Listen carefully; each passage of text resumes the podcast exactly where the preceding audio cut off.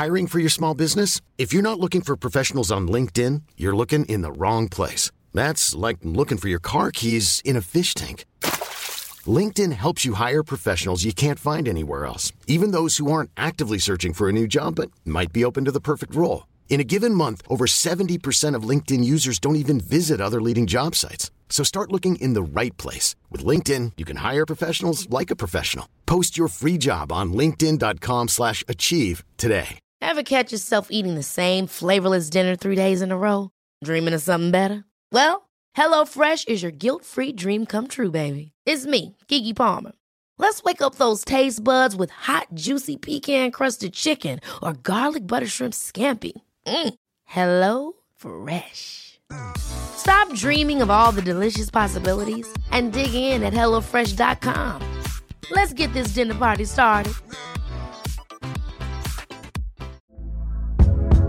Hey there, it's Michelle Norris. I'm host of a podcast called Your Mama's Kitchen. When I travel, I'm usually looking for a way to find a taste of home when I'm not at home. And one of the things I love to do when I am at home is entertain. And Airbnb allows me to do that. When I was in California recently, I rented a house that had a great kitchen. And when we were sitting around the table, we we're all thinking, we're in someone else's house. Someone could be in all of our homes as well. If you have a home, but you're not always at home, you have an Airbnb. Your home might be worth more than you think. Find out how much at airbnb.com/slash host. Jag gjorde ju en eh, låt förra året som gick upp faktiskt topp 20 på mest streamade låtar i Sverige. Och det går lite fortare nu för tiden. Den låg där i tre dagar och sen pjong! Nej. Fan. Ja, ja, det är Ja men det var ändå, fan det var liksom wow. Jag har inte haft en listetta på många år. Ja, men det- Blir det som den här, vad är det man säger, den berömda kvarten som vissa får i TV? Det brukar jag ju säga på scen om någon dum jävel kommer upp och är full på scen. Så kom upp. Så brukar jag säga det att Andy Warhol sa en gång att alla människor får 15 minuters berömmelse. Gå ner nu för det är väldigt dumt att ödsla liksom fem minuter utav dem här. Ja, exakt. Du, du, har- du har ju bara 15 minuter. Ja, du har ju bara ta 15 vara så lägg dem. inte fem utav dem liksom här, Nej, idiot. Nej, nej, nej. Ta vara på dem, ja. ja. Eh, är, det, är det så mycket fulla människor kommer upp så, eller? Ja, det är det alltid ibland. Ja. Det är många knickericker. Nu är det fredag. Nu är det fredag! Nu är det götterna. götterna. Direkt från Göteborg. Med Micke Månaden och Glenn Hysén. Välkomna! Götterna. Nu är det fredag. Nu är det fredag! Nu är det götterna. götterna. Direkt från Göteborg. Med Micke Månaden och Glenn Hysén. Välkomna! Götterna. Tjenare, det var Glenn här. Efter ett eh, långt uppehåll. På grund av mig har jag haft så mycket annat att göra så har inte haft några poddar på ett bra tag nu. Men nu är vi igång igen. Och första gästen är alltså en god gubbe från eh, Göteborg. Han är musiker och han heter Peter Simson. Välkommen gubbe! Tack så mycket! Ja, härligt. Stor ära. Ja, stor ära för oss att få ha dig i våran podd. Tack. Vi sitter hemma hos dig idag. Jajamän. I ett härligt hus. Ja. Det är många Sweet Home Alabama som har betalat för det här, vet du. Vad sa du nu? Många? Många Sweet Home Alabamas. Ja, Så vi just det. Ja. Alabama. Nej då, så ska vi inte säga ja, men så är det väl. Det är väl ett levebröd också? Absolut, jag har ju levt- linat mig som musiker sedan eh, jag var 18 år gammal. På alla möjliga sätt och vis faktiskt. Eh, Har kämpat ganska mycket med eh, vilken profil man ska ha. Eh, inom musiken, vad man ska göra och, och vad man tycker är roligt och vad man är bra på. Det är lite enklare för någon som till exempel Håkan Hellström som jag tycker är en av Sveriges bästa sångare. Enda felet han har är väl att han är gaisare tror jag. Ja, ja. Nej, men Ska alltså, Rysan säga. Ja, ja, men jag, och det är många som tycker och inte håller med mig. Eh, Men Håkan Hellström är jävligt bra på att göra Håkan Hellström. Ja. Sätt honom i ett annat band så är han kass. Ja, så är det. Men som Håkan Hellström är han liksom, så är han bäst. Och det är ofta det, den musiken som jag själv gillar. Det, är, det ska finnas någon liten skevhet i det. Det ska vara någonting som gnisslar som gör att man känner igen det. Men, men varför började du med musik överhuvudtaget? Ligger det i släkten eller? Nej, egentligen inte. Eh, jag började spela bas när jag var, gick i sjuan. Jag märkte att jag hade lätt för att förstå rytmik i början. Eh, förstå musik. Jag hade väldigt lätt för att lära mig spela gitarr sen. Och sen var jag alltid klassens clown på något sätt. Och det var ju jävligt enkelt då. Om man kunde spela och sjunga. Så att eh, det blev väl som för väldigt många andra musiker. Det var ett sätt att få brudar. Det kan man väl kanske Ja. skriva under på. Ja. Men det, det, är, det, är, funkar det så? Alltså det har ju, det- det- ja. Det har inte varit mitt mål i livet med det. Eh, på något sätt. Men jag tror att det finns någon slags alfahanne i en människa som, som sjunger och spelar gitarr. Som tilltalar vissa. Alltså, och det, det, jag tror att det är samma sak med en, en fotbollsspelare eller en eh, golfare eller... Men- men- man blir sedd. Ja, Sen däremot är vi, vi varken snyggare eller bättre än många andra. Men, är man blir du, sedd. Ja, och är du sångare så, så leder du ju gruppen. Ja. På något sätt. Ja. Men hur många instrument spelar du? Alltså egentligen är sång i mitt huvudinstrument, även om ja, jag okej. låter som en sprucken apa. Ja. Men sång är mitt huvudinstrument. Sen spelar jag gitarr. Ja. Jag spelar bas, jag fuskar på trummor och gitarr. Eller pia- piano, men jag kan lura någon som inte kan. Att jag kan spela trummor och piano. Men någon som kan flabbar åt mig. Men är, är det något som är vanligt bara att... att bara för att man kan spela gitarr så kan man spela med vilket jävla instrument som Nja, helst. Fast men- inte bra kanske men...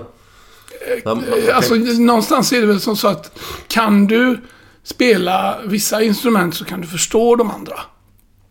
Sen var jag tyvärr, jag var ganska dålig på att öva i tonåren. Jag övade mycket på sång och att skriva musik. Så det blev liksom mitt uttryck. Och sen övade jag på att underhålla. Jag tycker fortfarande att det är jävligt roligt att få folk att skratta. Eller få dem att gråta, få dem att känna. Och, och det har liksom blivit min min artistiska idé är snarare att ha ett uttryck på scen och jag kan vara ganska provocerande. Vi, vi gjorde en grej på en, eh, på en båt en gång där jag var riktigt, riktigt oförskämd. Det kan jag ofta vara. Mina bandmedlemmar brukar På säga vilket det. sätt då? Nej, men jag brukar skälla på folk. Skälla på Skälla publiken? ut dem. Nej, men jag tycker att det är roligt. Jag får se hur långt man kan gå. Och sen, sen handlar det om, alltså, ska du skämta med någon eller om, nej du ska inte skämta om någon, men om man ska vara, jag kommer undan med jävligt mycket och det beror nog förmodligen på att jag ser ut som en snäll pudel. Och sen börjar jag alltid med att göra bort mig själv. Och det är ofta nyckeln. Jag tror att många stand-upare har samma plan. Börjar man att pulverisera och göra bort sig själv så kan man nästan säga vad som helst. Vi har spelat mycket i Norge på vissa ställen. Om, om jag inte förolämpar folk så blir de besvikna. Och jag tycker det är så jävla roligt att se hur långt man kan gå. Men vad är, vad är... Alltså jag har bara tänkt som på publiken. Förolämpar du dem på... hur- Inte personligt. Nej, men- det får man akta. Det har jag gjort. Det övertrampet har jag gjort några gånger för länge sedan. Ja. Att man ger sig på någon enstaka person. Mm. Utan det är mer företeelser. Om svenskar är i fjällen så brukar jag håna dem för att de är liksom... Det är ett, vi är ett chartersläkte. Mm. Och en, en människa går längst fram med koklockan och de andra hänger med liksom. Ja, det är enklast så. Men de fattar att jag inte menar allvar. Mm. Eller gör jag det?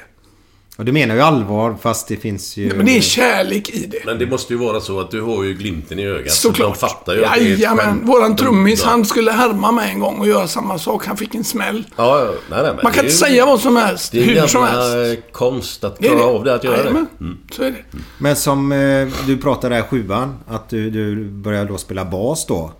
Eh, Det var ju lättast. Ja, för det är bara fyra strängar på dem Ja, eller? fast sen är, stämmer ju inte. Alltså, basister håller nog inte med mig. Och det beror på vilken musik du spelar. Ska du spela reggae eller jazz så är ju inte basen speciellt enkel. Men, Men en, för då- mig var det enklast. Ja, för jag kan ju säga du har då... Jag har ju hört att du har lärt Glenn att spela ett instrument. Jag har lärt Glenn spela ukulele. Är det så? Jajamän. Härligt. Men vi fuskade ju kan jag säga. Men vi, det var Glenn och 250 bygggubbar. Berätta. Ja, vi var på Malta. Och det var väl för fan... eh, Vad hette de? Excel-bygg var det. Excel-bygg för fan. Jajamän. Jag är ju fortfarande kompis med två, tre av dem. Jajamän, sköna människor. Ja, ja, Vilket fan. år är vi på nu ungefär? Det var VM-kval, Sverige-Malta och kan ha varit Glenn. Ja, fan. 2007, 2008. Ja, det är ju 20 år sedan alltså. Nej, inte 20. Är det inte det? Nej, 15 kanske. Nej, jag inte. Ja, nej, jag jag har inte heller Han säger koll. 7-8 och så börjar vi prata om 20 år. Nej, 20 men- år sedan är det inte. Men det är nog 10-12 år sedan. Ja, men det- 7-8 är det måste det vara mer. Ja, men 2007-2008. Ja, du menar 20? Ja, ja, ja. Ja, det var inte igår i alla fall. Nej. Men det var jävligt roligt. Vad hände då? Nej, men det så bara att få H&M ukulele på 200 pers. Eller hur många var de? Ja, 250. Det var, det var ju som så att Pontus Borg, som jag spelade mycket med då, han och jag åkte ner tidigare och vi hade med oss 250 ukulelar. Och så skulle vi stämma dem och så skulle vi lära alla gubbarna att spela ukulele. Oj. Det var en galen idé som eh, eventbyrån som höll i detta hade. Och vi insåg ju när vi kom ner, dels så var de helt nya och det är ju plaststrängar, det var rätt billiga ukulelar. Så att vi insåg ju ganska fort att det här går inte. Nej, det tar ju flera dagar. Nej, så vad vi gjorde då? Jo, men det, gjorde, det gick, men vi, vi gjorde en fuskis. Så vi stämde. Alltså alla som har spelat ett instrument vet att man behöver hålla fingrarna på ett speciellt sätt för att det ska låta.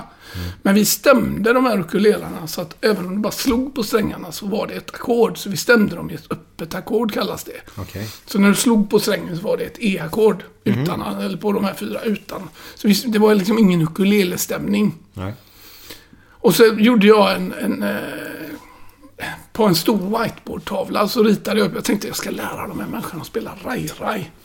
Ja, ja. Och då är det, då var det 0, 0, 0, 0, 0, 0, 0, 0, 5, 5. Och då, det, då ska man hålla fingrarna på femte bandet, alltså femte pricken. Liksom. Och sen var det 5, 5, 5, 5, 5, 5, 5, 5, 0, 0. Ja. 0, 0, 0, 0, 0, 0, 5, 5, 7, 7, eller hur fan Ja, det var grymt var det. För det, var, det lät ju bra alltså. och då var det som så att Sen så hade vi ju träffat Glenn dagen innan och gjort upp lite grann om det här. Och så sitter det då 250 bygggubbar i ett auditorium på Malta. Och så fort jag börjar prata så, så sitter en stockholmare längst upp i publiken när jag börjar prata göteborgska. Så säger han alla heter Glenn i Göteborg och då har de ingen aning om att Glenn står liksom 30 meter bakom dem. Alla heter Glenn i Göteborg. Han tyckte det var så jävla... Han var rolig tyckte han och jag sa shit vad kul du är. Det där har jag aldrig hört förr. Och sen så var ju då liksom två sekunder sen, vilken tur då för dig så att vi har faktiskt en riktig Glenn här. Och då kommer ju Glenn Hysén ner och bonkar kepsen av den här gubben. Och det blir ju sånt jävla jubel va. Härligt. Och sen tror jag att du hade en trickstävling med oss. Ja, det var någonting jag kommer inte ihåg exakt. Ja, men du var, vi var ju på din hemmaplan först med fotboll. Liksom. Skulle, Han skulle lära oss att trixa och då sa vi, ja, men nu har du lärt oss att trixa, då ska vi lära dig att spela. Så då högg vi fram en ukulele, så Glenn fick sitta där och göra musikpremiär för de här 250 gubbarna. Och du löste ju det, för han har ju fått träna. Raj. Och sen sa vi, såg det lätt ut? sa vi till gubbarna. Ja, det ser lätt ut, sa de. Bra. Då drog, fick de varsin ukulele, de här människorna. Och så fram med 250 ukulelar. Så vi hade suttit i två dagar och stämt. Och de stämde ju om sig så fort man tittar på dem. Men sen var det någonting... Jag stod inte ni på något jävla lastbilsflak eller någonting? Någon, någon sammanhang under den resan? Eller var ni inne på någon bar eller ni stod uppe på något podium eller? Ja, det var inne på en bar. Jag kan inte precisera Men det. jag, måste bara, det, alltså jag kommer ihåg den här när de här gubbarna får de här 250 ukulelarna och börjar spela. Det lät som en bisvärm som kom flygande. Det är bland det roligaste ljudet jag har hört i hela mitt liv. Härligt. Och sen hade ju alla de här ukulelarna med sig och tanken var att vi skulle ha med dem på matchen. Och då hade vi ett pre-game på en bar. Ja, det var det jag tänkte Ja, på det kanske. var ju alltså sånt party. Ja, det var grymt. Fantastiskt bra. Där vi springer runt och alla spelar ukulele. Va? 250 gubbar, det var åtta tjejer.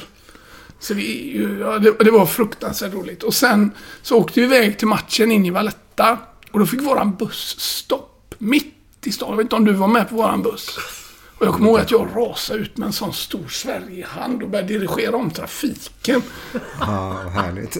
Ja, det var en galen resa faktiskt. Men vi fick tyvärr inte ta med ukulelerna in på matchen. Det sa vak- vakterna stopp Nej, för. det kan man ju förstå. Ja, det kan man ju faktiskt göra. Men vad jag säger att det var galen resa. Ja, det var ju även någon jävla bil som vi lyfte runt. Just det! Vi, Dagen alltså, innan... välte en bil. Nej, vi välte inte den. Utan jag kommer ihåg att dagen innan, vi, vi hade ju varit där en eller två dagar innan dig. Ja, Och sen så träffades vi på en bar och tog väl kanske en öl. Ja, Och sen på vägen hem till hotellet så går vi på en enkelriktad gata. Glenn, Pontus och jag och en kille som heter Rasmus och en som heter Mattias. Jag kommer ihåg dem för att de jobbade med eventbyrån. Och så ser vi en liten bil som står på en fickparkerad. Och det är ju en enkelriktad gata. Och alla får samma idé i stort sett samtidigt. Så vi tar och lyfter ut den här bilen från sin parkeringsplats och så vänder vi på den och lyfter tillbaka den. Fattar du hur jävla sjuk i huvudet man kan bli? Och han måste ju ha tyckt det var väldigt konstigt när han kom ut i sin bil dagen efter. absolut. Han måste ju ha liksom blåst i eh, alkometern och funderat hur full var jag igår. Va? Sen gjorde vi det faktiskt dagen efter igen. Nej, en gång till. Ja, det var helt CP-skadat alltså. Oj, så här. Det man bort. Ja, det var väldigt roligt. Ja, det var sjukt. Bra. Ja, du är roligare du. Var du med och lyfte Glenn? Ja, ja. Ja. Vad Fan. Fan vad häftigt. Då hade Det vi en idé, kommer jag ihåg, att vi skulle... Vi skulle dricka Jack, Jack och Cola. Jack Daniel, kolla. Vi skulle göra det, var tanken. Sen fanns det inte. Eh, Och då fick vi en ytterligare idé att vi skulle dricka hot shots. Så vi drack upp allt Galliano, tror jag, på hela den ön. Vad gött. Det är jättebra att dricka shots. Ja, men, Det är ja. en bra öppning. Ja. men hot shots... Det blir ju... Det är det- Och hotshoten det var, ju, det blir- hotshoten var ju tvärdöd då. Ja. Men vi hittade, lyckades hitta Galliano. Ja, Ja, den, men den kom tillbaka där Ja, faktiskt i tidigt 00-tal där. Ja, 03-04 kom tillbaka lite grann. Det var nog vi då. ja, det som måste drog ha varit igång det. den Ja. Ja. ja, jag tycker ju Vi gjorde faktiskt... till och med en låt. Jag vet inte om du kommer ihåg. Hot, hot shot, hot shot. Ja, Nej, låt kommer jag inte ihåg. Men Nej, eh, det var ju- jäklar vad gott det är faktiskt. Ja, men det I rätt tillfälle. Jajamän. Vi hade en klubb på Smögen för, för många år sedan där vi bestämde oss för att göra skruvade saker. Då blandade vi en hot shot fast utan... Eh, vi bytte ut kaffet mot Fernet. Ja. Det var jätteäckligt. ja, jag förstår det. Kaffet gör ju det faktiskt. Ja, alltså det var Fernet, Galliano och grädde. Det ska ju säga något så djävulusiskt. Det är ju ingen höjdare. Nej. Samma, samma kvällar så var kockarna sa att vi vill inte ha dricks för maten utan vi kommer in på krogen sen. Så får ni skjuta fast dricksen på oss med häftpistoler. Nej. Ja, jättebra. Så de var ju alldeles sönderskjutna men de fick rätt bra Och betalt. de fick ju sedlar. Ja. Ja, det är ju perfekt ju. Sjuka grejer. Ja. Men, Men du har varit med om jättemycket. Men jag, jag var ju tillbaka där i sjunde klass. Vilken skola gick du i? Du Hammarkullsskolan. Hammarkullen? Så jag är född i Frölunda. Och sen flyttade mina föräldrar ut till, eh, till Hammarkullen. eh, Vart i Frölunda bodde ni då innan? Ni flyttade? Fjolgatan. Fjolgatan, ja. Och sen drog ni till Hammarkullen Ja. och andra ställen. Varför detta? Eh, ja, men mina föräldrar, vi hade släktingar som hade köpt hus där och mina föräldrar hade kompisar som hade köpt hus där. Och vi köpte ett radhus där. Mm. Och jag ska säga, detta var ju 74 vi flyttade dit. Det är ju fan, var ju fint som fan där. Jättefint. Ja, ja. Och alltså det var ju någonstans var det ju utsett som ett problemområde. Så det fanns ju otroliga förutsättningar för ungdomar. Alltså musiklärarna på vår skola var helt fantastiska. Vi hade en... Eh, alltså, de var så engagerade och även fritidsledarna var så enormt engagerade. Tänk vad mycket skit de fick utav oss 13-14-åringar. Och bara öste tillbaka liksom. med Men de ville väl verkligen att det skulle Ja, bli men de, hända och det, det alltså, de har räddat vettigt. livet på många människor. Ja, alltså. ja, ja. Viktiga människor. Finns det den... eh, Jag vet inte. För, för när vi växte upp så var det verkligen fritidsledaren vad de man såg upp till lite grann också och Ja, ja. gillade. Ja, ja, och de höll ju oftast på med musik eller idrott och sådär. Och så var de ju knallröda, men, men samtidigt var de ganska duktiga på att inte trycka ut de värderingarna på, Ja men det på är viktigt. ungdomarna. Det är viktigt. Men de var ja, fantastiska. De, vi hade liksom en som heter Bimma, en som heter Klas och My och Bosse. Och alltså man, det här är ju människor som har spelat stor roll Mm. i ens liv. Sen hade jag inga, jag var, kom inte från någon problemfamilj sådär, men de blev ju liksom ställföreträdande vuxna åt många som, för att det fanns en hel del eh, frånskilda och mm, liksom barn som, som hamnade i problem i Angered. som- Precis som de gjorde på andra ställen. Oh ja, oh ja. Och det var ju så på den tiden att, att föräldrar var inte involverade i barnens uppväxt på samma sätt som man är idag. Nej, kanske. Det, det känns inte så. Det känns som att eh, föräldrarna är betydligt mer Man vaksamma. har en, en mer- hårdare curlingkvast nu. Ja, Ja, exakt. precis. Betydligt hårdare. Eh, För jag tycker det gick bra ändå. Men den sista röde där som du pratade om då. Det måste ju varit eh, Ruben Svensson då. Sista i hela världen alltså. Nej men just på, nej, men han jobbar ju på skolan. Fan, han har ju Han varit, sket ju i där, han har varit där uppe i, fan, i, i, alla år. Och gick i pension här nu då i, i höstas Mm. då. Eh, Men vi hoppas att det finns bra fritidsledare ute. Ja, men jag ännu. tror att det gör. Jag tror att Hammarkullens fritidsgård Jag tror att den heter Mixgården nu och jag tror att den finns kvar. Jag tog en sväng för, vad kan det varit, det är nog 8-10 år sedan upp och se om man kände igen sina gamla hoods. Det gjorde jag inte. Kan säga. Men samtidigt så kändes det som att eh, vi hade ju invandrare på den tiden. eh, Men det var ju chilenare, jugoslaver och finnar och även om de kanske inte var invandrare på det. Eh, Men det var, det var ganska homogena grupper. Det var ju- Men det fanns, alltid, det fanns alltid lite spänningar och motsättningar. Men det var liksom... Det var ju mer olika grupper bara. Och så ser man när man var där uppe nu. Det, det är ju mycket färre svenskar i de områdena. Men det kändes ändå när jag var där och gick på dagen. Det kändes som att... Fan vilket schysst område det är fortfarande liksom. Folk trivs där och de har sina affärer och sin mat. Vi köpte en halv barkis. Nu köper du en halv falafel kanske liksom. Ja. Halv barkis och så var det smör bara Ja, vi tog ingen, vi delade och så gröpte man ur innanmätet och så käkade man skalet sist. Ja, gött. Men du, eh, förlåt. Men där de som pratar om invandrare där, på den tiden du pratade juggar och finnar. Det var ju arbetskraftinvandrare var Ja, det var det det. på den tiden. Det var Lite det. mer. Ja, Det var mycket Volvo och SKF eller? Ja, ja, det var det det var väldigt mycket. SKF var ju stort. Men där, varför blev du öisare? Var du också uppe i Hammarkullen och blev det? Jag har två äldre bröder. Så jag hade liksom inget val. Och sen var ju... Men då är frågan, hur blev de öisare då? eh, Min äldsta brorsa blev öisare och- det är, det är nog farsans Ja. förtjänst skulle jag säga. Han var blåvittare. Men inte tillräckligt stark. Mhm. Så han var, på en, eh, han var på en match med brorsan. Där jag spelade skjortan och blåvitt. Och då var det liksom inget att fundera på efter det. Aha, okej. Sen var ju då brorsan är ju ett antal år äldre än mig, eller båda mina bröder. Och det är klart, Örjan Persson och Lennart Wing och de här gubbarna, det var ju inga, det var ju liksom inga sketgubbar va. Imagine the softest sheets you've ever felt. Now imagine them getting even softer over time. That's what you'll feel with Bowl and Branch's organic cotton sheets. In a recent customer survey, 96% replied that Bowl and Branch sheets get softer with every wash. Start getting your best night's sleep in these sheets that get softer and softer for years to come. Try their sheets with a 30-night guarantee. Plus, get 15% off your first order at bowlandbranch.com. Code BUTTERY. Exclusions apply. See site for details. Many of us have those stubborn pounds that seem impossible to lose, no matter how good we eat or how hard we work out. My solution is PlushCare. PlushCare is a leading telehealth provider with doctors who are there for you day and night to partner with you in your weight loss journey. They can prescribe FDA-approved weight loss medications like Wagovi and Zepbound for those who qualify. Plus, they accept most insurance plans. To get started, visit plushcare.com slash weight loss. That's plushcare.com slash weight loss. Ever catch yourself eating the same flavorless dinner three days in a row? Dreaming of something better? Well, HelloFresh is your guilt-free dream come true, baby. It's me, Kiki Palmer. Let's wake up those taste buds with hot, juicy pecan-crusted chicken or garlic butter shrimp scampi. Mm. Hello Fresh. Stop dreaming of all the delicious possibilities and dig in at HelloFresh.com. Let's get this dinner party started.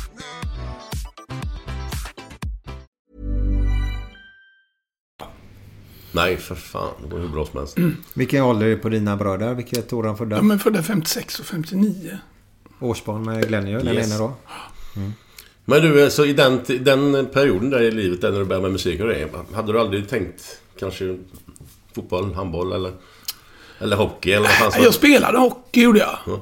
Eh, Jag spelade fotboll men alltså jag var ju... Du kände att det Nej, inte jag var ju aldrig någon stjärna. Nej, nej, nej, men du kände inte att det var Jag, fan... nej, jag vet jag träffade Bengan Andersson, målvakts-Bengan, som har spelat i alla Göteborgsklubbarna. Mm. Och han är ju lite rolig för han är ju en fotbollsspelare som vill bli musiker. Och jag Mm. var väl möjligtvis en musiker som ville bli fotbollsspelare liksom. Eh, så att... eh, nej, nej, det var, vi rökte ju och tuffade oss liksom. Så det var ju jobbigt när man hade hockeyträningar. Ja, men så är det. Ja. Men så ingen idrott överhuvudtaget. Men du bor Jo. ju nu ett stenkast ifrån en fotbollsplan. Ja, Eh, Där Väster har sin hemmaplan. Jajamän. Nu tappar jag namnet på den tyvärr. Väster, ja. Västerplan. Heter den Västerplan? Jajamän. Fan hette den det förr Glenn? Men det var en den annan inte? plan som heter apelsinplan. Ja, men där har jag ju varit- Det är inte här ute. Nej, den, Nej, nej, den ligger i Fiskebäck. Ja. Ja. Där har jag ju däremot hängt i Okej. tio år. Jag var tränare för båda mina barn. I vilken av klubbarna? Laggon eller Laggon, ja. Önnered? Laggon, ja. Jajamän. Så att där har jag Vilket varit. år är detta? Vi flyttade hit ut 99. Och då var min äldsta son sex år. Och så så såg man att det var- det var ganska svårt som sexåring att komma in i en ny... Lillebrorsan, han var två år. Och som tvååring kommer du ju rätt in i en barngrupp. Liksom. Men som sexåring så såg man att eh, de här kompisgängen, de är redan satta ganska mycket från dagis. Okej. Eh, Så då tänkte jag, vad gör jag då? Jo, men då får jag väl starta ett lag för 93orna. Så jag drog igång fotbollslag ute i KBK. Min brorsa hade varit tränare för sin pojk där, så jag kände till klubben. Så gick jag till Stibben, som eh, var den gamla... Som alltid har funnits i ladugården. Ja, härliga stilla. Ja, underbar. Vad heter han? Lennart Stiberg. Ja, okej. Eh, Han var ju nästan med och startade på 20-talet. Nej, det var han inte. Ja, men eh, nästan. Nej, det startade 50 de, de låg ju borta i gånglåten först, hade de sin klubbhus. Ja, men de hade även, de jag tror att från början kom de från Kungsladugård och sen så fanns det inga planer. Mm. Och det var därför de flyttade ut till Apelsinplan. Så jag var ju med när det var, när det var grusplan där och så började jag träna 93orna. Och det gjorde jag i åtta år. Eh, och sen så när lillebrorsan blev sex år, när han var sex, 03, så drog jag igång dem också. Så jag hade två lag. Oj, grattis. Ja, men det var alltså, det är samtidigt det roligaste jag gjort. För det finns inte en 93 eller 97 eller knappt 92, 94, 95. Alltså från 92 till 98 finns det inte en unge här ute som jag inte känner. Nej. Och det var ju väldigt bra när de blev lite äldre sen. För jag har ju alla gubbarna på Facebook. Ja, just det. Så det var ju aldrig så. Vad gjorde ni igår? Nej, ingenting. Jo, det gjorde ni. Ja, man ser allt. Hade ju bevis. Ja. Men det är kul är det. Det är kul. Fantastiskt. Och där har vi ju lite grann eldsjälen att då hjälper man till på den sidan Mm. istället. Och du blir också där som ung- ungdomsledare då om man är väldigt snäll och tar hand om dem och har ett hjärta för det. Så kommer man ju själv ihåg. Man kommer ihåg sina ledare man hade när Ja, man var ja, ja, liten. för fan. De Ja, betyder men, jättemycket. ja, och jag har faktiskt två, eh, två spelare som jag har haft som eh, har spelat eh, högt upp. Gustav Berggren som spelar i Häcken nu. Han var, jag var hans första tränare.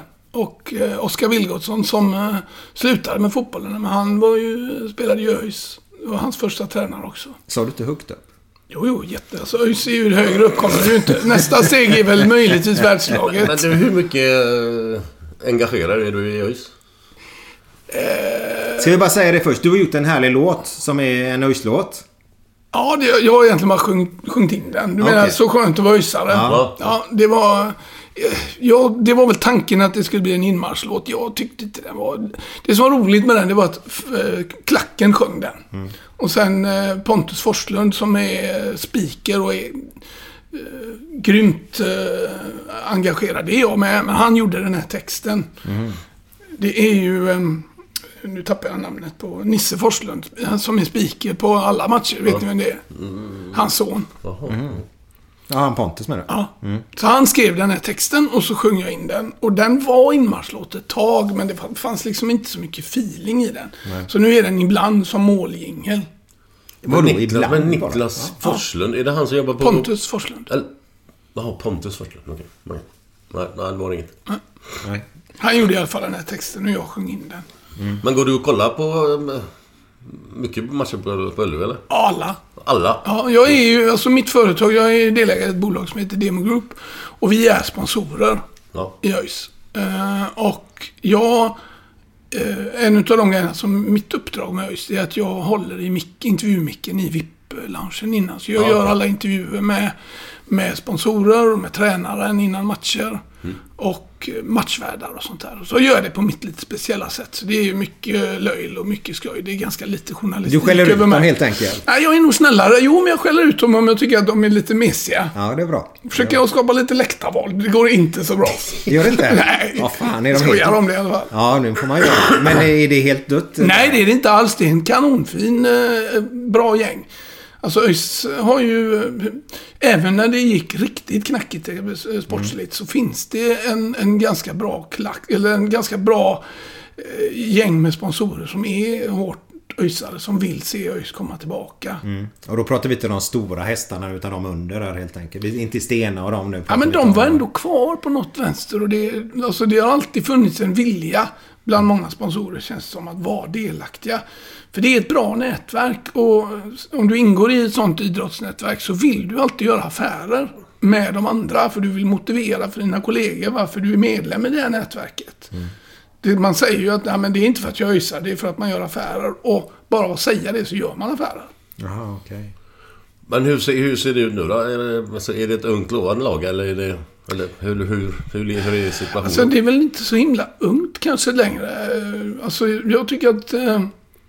Jag to- tycker att Askebrand gjorde en riktigt bra resa förra året med ÖIS. Eh, Och lyckades få killarna att prestera. Ja, sen kan jag tycka att Marcus Lantz fick eh, otroligt mycket skit. Eh, Jag gillade verkligen honom. Jag tyckte att han var, han var häftig. Det fanns en, liksom en kaxighet i honom som man kan sakna ibland. Men han fick mycket skit. Han sa grejer som retade många utav fansen. Och sen gick inte det sportsliga riktigt så bra. Men det är ju, alltså fotbollen är ju pengar nu för tiden. Sen kommer Askebrand och lyckas trolla. Tycker jag han gör lite grann. Eh, Gör, gör en fantastisk vårsäsong. En röten sommar. Då hade de inte ens slått Laggorns 18-åringar liksom. Under sommaren. Och sen vänder det igen och gör en sketbra vår och missar ju bara kvalet med två poäng. Så att det var en stark säsong. Sen är jag på pappret så är väl ÖIS tippade tvåa i år. Men Gais var ju tippade bra förra året. Ja. Och det var ju liksom ett, eh, ett öronhår från att de tappade det. Hur är det med publiken så då? Alltså Ja, det, jag tror att både Gais och ÖIS sliter lite grann av att de sportsliga framgångarna har uteblivit. Och där är ju Häcken en större och större konkurrent för Häcken är ju överlägset bäst i stan. Mm. Sen är det många som tycker att ja, men det är ju ofarligt. Det är ju Gais, Blåvitt eller ÖIS. Men ja, de tar är- inte dem på allvar nu. de tar det inte på allvar, nej, men de är duktiga. De jobbar duktigt och de jobbar enträget med... Jag såg att ni hade haft Sonny. Ja, Ja, ja. det är ju en sköning alltså. Jag gillar sådana skratt. Ja, ja. Det är... mm, Och hela, den, hela föreningen jobbar väldigt målmedvetet. Sen sliter de ju mot det här med tradition. Ja. Du kan aldrig få en blåvitare eller gaisare eller öisare att byta till att heja på Häcken. Man kan gilla Häcken, men du kan aldrig få det i hjärtat på de gamla. Däremot så kan de fånga de nya. Exakt. Det är de bättre Som på. växer upp på Hisingen Ja. idag ja. ja, ja. Och tradition bygger du inte på en dag utan Nej, det, det tar, sina år. Ja. Ja. Mm. Och så är de bra. De spelar den absolut bästa fotbollen i Göteborg. De har ju en jävla förmåga att få dit utländska spelare som man inte har hört talas om. Som, gör, som, som blir jävligt bra alltså. Och jag tror att den här scoutingen börjar redan i deras Gothia är. Cup-jobb liksom. Ja men vi har pratat om det här Glenn. Jag kommer alltid säga det att eh, du är inte bättre på plan än vad din organisation och styrelse är. Nej, nej, nej. Det är nej. det- där det börjar alltihopa. Det tror jag när det gäller eh, vårt bolag. Vi, är, vi sponsrar Häcken och ÖIS. Jag är inte så involverad i Häcken eftersom jag är ÖISare. Men jag har varit med några gånger runt omkring och man ser att det finns muskler i den organisationen och det speglar av sig på plan. Och det finns mycket själ och hjärta. Sen, själ och hjärta finns ju absolut i ÖIS. Jag har ingen insyn i Blåvitt och Gais. Det har jag inte. Det är klart att det finns själ och hjärta där. Oh ja, det gör det. Men finns det... Fattar inte det? Jo, Finns, det finns, gör det, det finns det före detta spelare eller, eller, eller stora namn i ÖIS i organisationen nu eller? Ja, vi har ju fått tillbaka eh, Ailton. Ja, ja, ja. ja. Eh, och det är ju en, eh, det är en spännande värvning. Alltså, Elmander kom ju tillbaka och startade ruskigt bra och inspirerade många av de unga. Sen lyckades han kanske inte riktigt så bra som han själv och många andra hade hoppats med. Men jag tyckte att han tillförde ett glöd och en, en stolthet i klubbmärket. Igen. Eh, Sen finns det ju en, ganska många killar som, som har varit eh, unga och lovande några år som faktiskt har tagit steget. Vi har ett bra mittfält. Och så har Fredrik Andersson kommit tillbaka som målvakt från Malmö. Sen har ni värvat en spännande speltyp faktiskt från Sävedalen. Gustav Ludvigsson förra året ja. Ettan, Eller den nya killen Den nya killen i Ja, år. det. lång, smalare där. Ja. Ja. Nu kommer jag inte på namnet Ja, tyvärr. jag, Eh, eh, säsongen har inte börjat ännu. Så att jag Nej. ber om ursäkt för det också. Jag, Var det en for- forward eller vad är det? Ja, vänsterkantslöpare slash forward tror jag. Eh, så. Eh, superduktig. Så det ska bli kul att se om han utvecklas där. Mm. Han gjorde väl mål nu så då, förra första matchen här. Just det. Tror jag. Ja, Nu är just, jag kanske på halt vatten här för att sånt följer ÖIS då men jag, jag får med detta. jag gör ju det, men eh, just den värvningen har jag missat. Det var i cupen ja, med två Ja, men det vet jag. Ja. Vilka har de i cupen? Eh, slog Norrby Ja. med 2-0. Det var AIK va? Har, har Jönköping och AIK. Så AIK sista matchen där. Okej. Tyvärr borta Jag är då. lite sån där bara, jag vet ju. Vi slog ju AIK med 4-0 i cupen för ett antal år sedan. Och eh, gick till semi tror jag.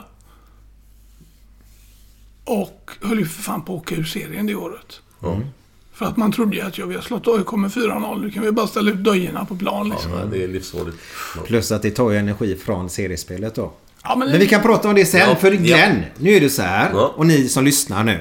Sätt i propparna i örat. Höj volymen lite grann. Och sjung med den här underbart härliga låten nu.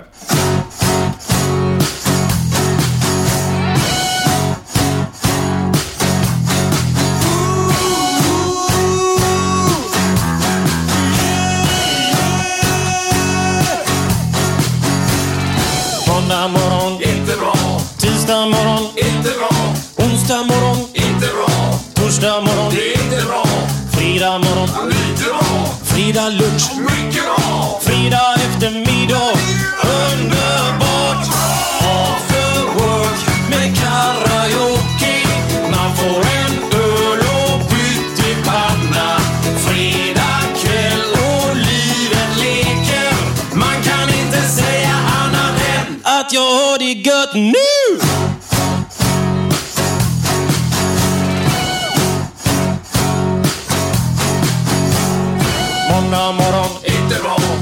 Tisdag morgon, inte bra, onsdag morgon, inte bra, torsdag morgon, är inte bra, fredag morgon, lite bra, fredag lunch, mycket bra. fredag eftermiddag. Underbart!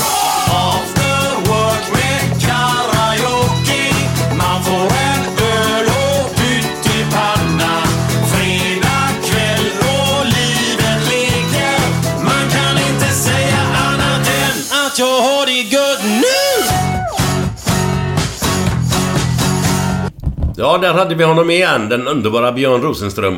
Och After Work. Härlig Fy låt fan är vad det. gött. Och det var ett Ja. tag sedan jag lyssnade på den nu. Åh, jävlar. Nu kommer- måste fråga dig. Kommer man igång igen. Jag har jobbat mycket med Björn Rosenström. Men fantastiskt. Ja, du har gjort det? Ja, Ja. det är så skönt snubbe va. Det är lite roligt för att många som hör honom, i alla fall innan de breakade ordentligt, tror ju att det är liksom någon, eh, någon gubbe som har suttit ute i skogen och så kommer det en snygg, eh, vältränad eh, tjomme liksom. Juristutbildad. Så att, eh, vi hade samma grej med Drängarna. Folk trodde ju att det skulle komma fyra bröderna djup och så kom det liksom fyra vältränade 27-åringar ut på scen. Där, vi kan gå in på drängarna där och Mm. Björn Rosenström, jag vet ju att han... glömmer av det, du skulle sagt något. Eh, ja, det skulle vara säkert. Men innan jag glömmer av det här då. så, Man glömmer alltid av något. Så enkelt är det. så, så var det att eh, han ska också börja skriva musik nu lite mer. Vem? Björn? Björn Ja, Rosenström ska sätta sig nu och börja skriva. spännande. Och du har börjat skriva lite musik nu igen, eller? Ja, det har jag gjort. Jag har ju som, eh, som jag inledde med hållit på att skriva och göra grejer i hela mitt liv. Jag har gjort sju skivor. Och hoppat fram och tillbaka i, i det här. Och mitt problem lite grann har varit att jag har aldrig varit jättebekväm i rollen som känd utanför scen. Ja, okej. Det är väldigt skönt att vara känd på scen. Men jag trivs inte riktigt med det vid sidan av. Jag kan bli förbannad på folk. Skälla ut dem även Ja, men även affärer. Ja, vi älskar det här. Jag skäller Ja, men dig. lite grann. Fram, framförallt, och det känner väl framförallt du till, När folk blir packade så tappar de respekten ibland kan jag tycka. Eh, jag vet efter vi hade, jag hade varit- varit med i Fame Factory så... Så var det som så att vi gjorde ju 75 tv-program. Vi var på, hemma hos folk varje dag liksom. Vi kan berätta om det programmet sen, för det var också en speciell resa. Mm, jag vill gå in på det sen. Ja, men jag jag bara- gillade programmet. Ja, det gjorde jag med. Det var därför jag sa ja faktiskt. Men eh, första gången jag märkte det här, det var ju... Eh, vi var ute med på semester med, med familjen. Bara några veckor efter det här var slut. Och så kommer det en, en tjomme som är sketfull och sätter sig vid bordet när vi sitter och äter och vill prata en stund. Liksom. Och jag pratar en minut eller två. Han ger sig inte. Till slut så säger du, eh, vi äter. Vad menar du? Ja, fuck off, fick man ju till slut säga. Fast jag sa det inte så i början. Så han tyckte att jag var världens största diva. Och jag bara kände, men snälla du. Jag är privat nu. Det är ju så jävla lätt att du får den. Om de bara öppnar käften och säger det som du säger det nu. Säger du Det är fel lätt att du får en stämpel på det. Att, att liksom att fan, är en dryg jävel. Och just det där som du säger här nu att det går, det går väl an om någon kommer fram och ska ta en bild eller sådär. Och sen är det bra liksom. Om man sitter och käkar eller dricker någonting. Men när de ska sätta sig ner och... Så, Och jag kan tänka mig, jag menar, liksom. du har ju varit känd i 40 år så att eh, liksom... Men, och, och som fotbollsspelare så är det ju väl lite svårare kanske att, hjälpa det. Om man är duktig på fotboll så är man ju med jämt. Men som musiker så kan man faktiskt välja att dra sig undan. Och det har jag gjort några gånger. Jag har faktiskt valt att inte hålla mig kvar. Alltså syftet med att spela musik för mig har aldrig varit kändisskapet. Utan det är känslan av att spela musik. Sen är det ju lättare som artist och musiker när du är känd. Men, Det är lätt- lättare ingångar hit och dit eller? ja, men du får ju, det är ju lättare att få jobb och det är lättare att ta betalt Mm, och liksom allting så såklart. Men eh, Bert var ju på mig och ville att jag skulle vara med i Melodifestivalen och jag kände bara att nej. För det finns två alternativ. Så att jag, antingen så gör jag en låt som du gillar och då har jag kanske en chans att vinna. Mm. Eller så gör jag en låt som jag gillar och då kommer jag sist. Ja, just det. Nej, men du pratade om det att du ville göra då. Vi fick ju lyssna på lite Mm. musik här förut som var väldigt eh, fin. Ja, ja, ja. Eh, och du sa ju det. Antagligen så gör man musik för att tjäna pengar lite grann. Eller gör musik som man gillar då. Eh, Jag har gjort både och kan jag säga. Eh, Jag har liksom haft båda benen med mig. Eh, Om vi då tar 95 som ett ganska bra startpunkt för den här grejen så, så är jag med ett band som jag var med. Vi ska spela på Park Lane på någon företagsevent. Så ringer det Micke Samuelsson, våran eh, härliga DJ och krogarrangör här i stan. Han ringde mig och sa du har några killar som eh, har gjort en låt. Som, kan inte du åka dit och sjunga? Jo. Så efter soundcheck, innan gig, så åkte jag till en studio på Strandgatan eller Västra. Jag kommer aldrig ihåg vilken som är vilken. inte jag heller. Mitt emot Breutegrams. Ja, det var bättre. Nej, Brogyllen. Brogyllen. Ja, Ja. skit i det. I stan. ja, i Göteborg. I Göteborg. Så åkte jag dit och så fick jag höra en låt och så sjöng jag in den. Det tog 20 minuter och så tänkte jag, vad fan var detta? Vilken låt var det? Det var Vill du bli min fru? Ja, är Och jag gick därifrån och tänkte, ja, ja. Det var 20 minuter av mitt liv. Så tog det en månad eller en och en halv så kom det en singel med, en- med en lada på. Där det var en stjärna på det det stod megahit i Partille. Och det var ju bara ett ljug, för att på den tiden så stod det alltid det, megahit in Germany, megahit in Holland, för att det var säljande. Så vi hittade på att det var en megahit i Partille. Så alla trodde att bandet var från Partille.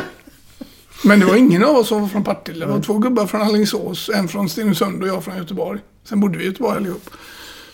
Och sen så gick det en månad eller någon vecka så gick den här låten på 16 plats på Tracks-listan. Och jag tänkte, oj, vad hände nu?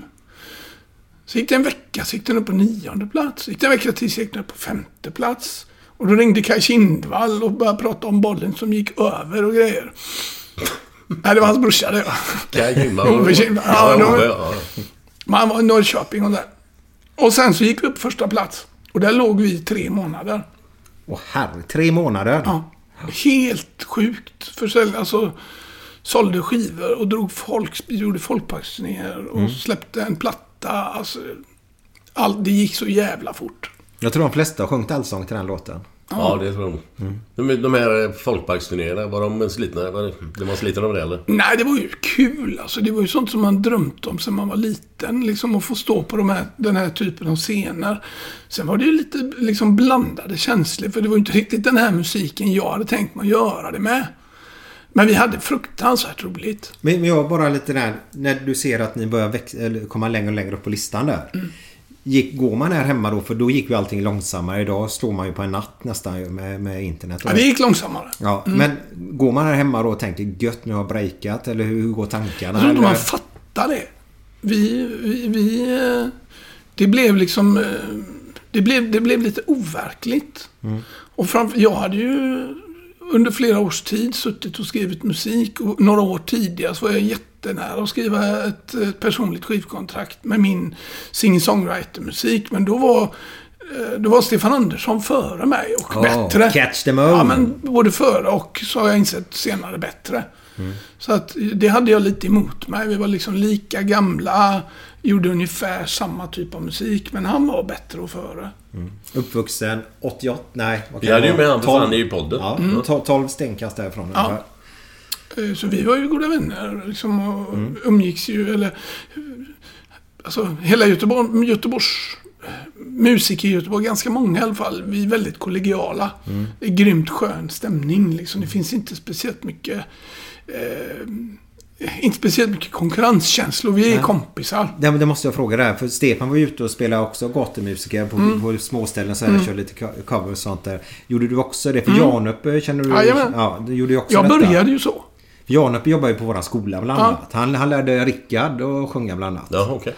Eh, Jo, jo, men alltså de började på gatan, Gunnar. Stefan och Magnus började som trubadurer och det gjorde jag med. på, på krogarna kan man säga. Ja, och det är en ganska lustig historia för jag började ju på fester.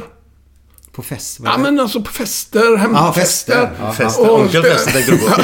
Nej, men man började ju spela gitarr på hemmafester. Ja, ja.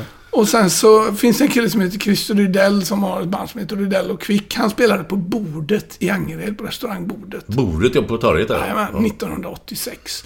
Så ringer några kompisar till mig som är där.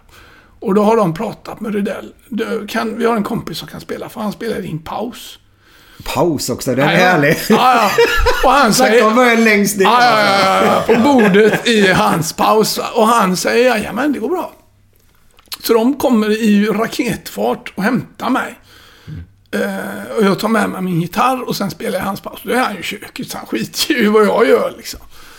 Men eh, då...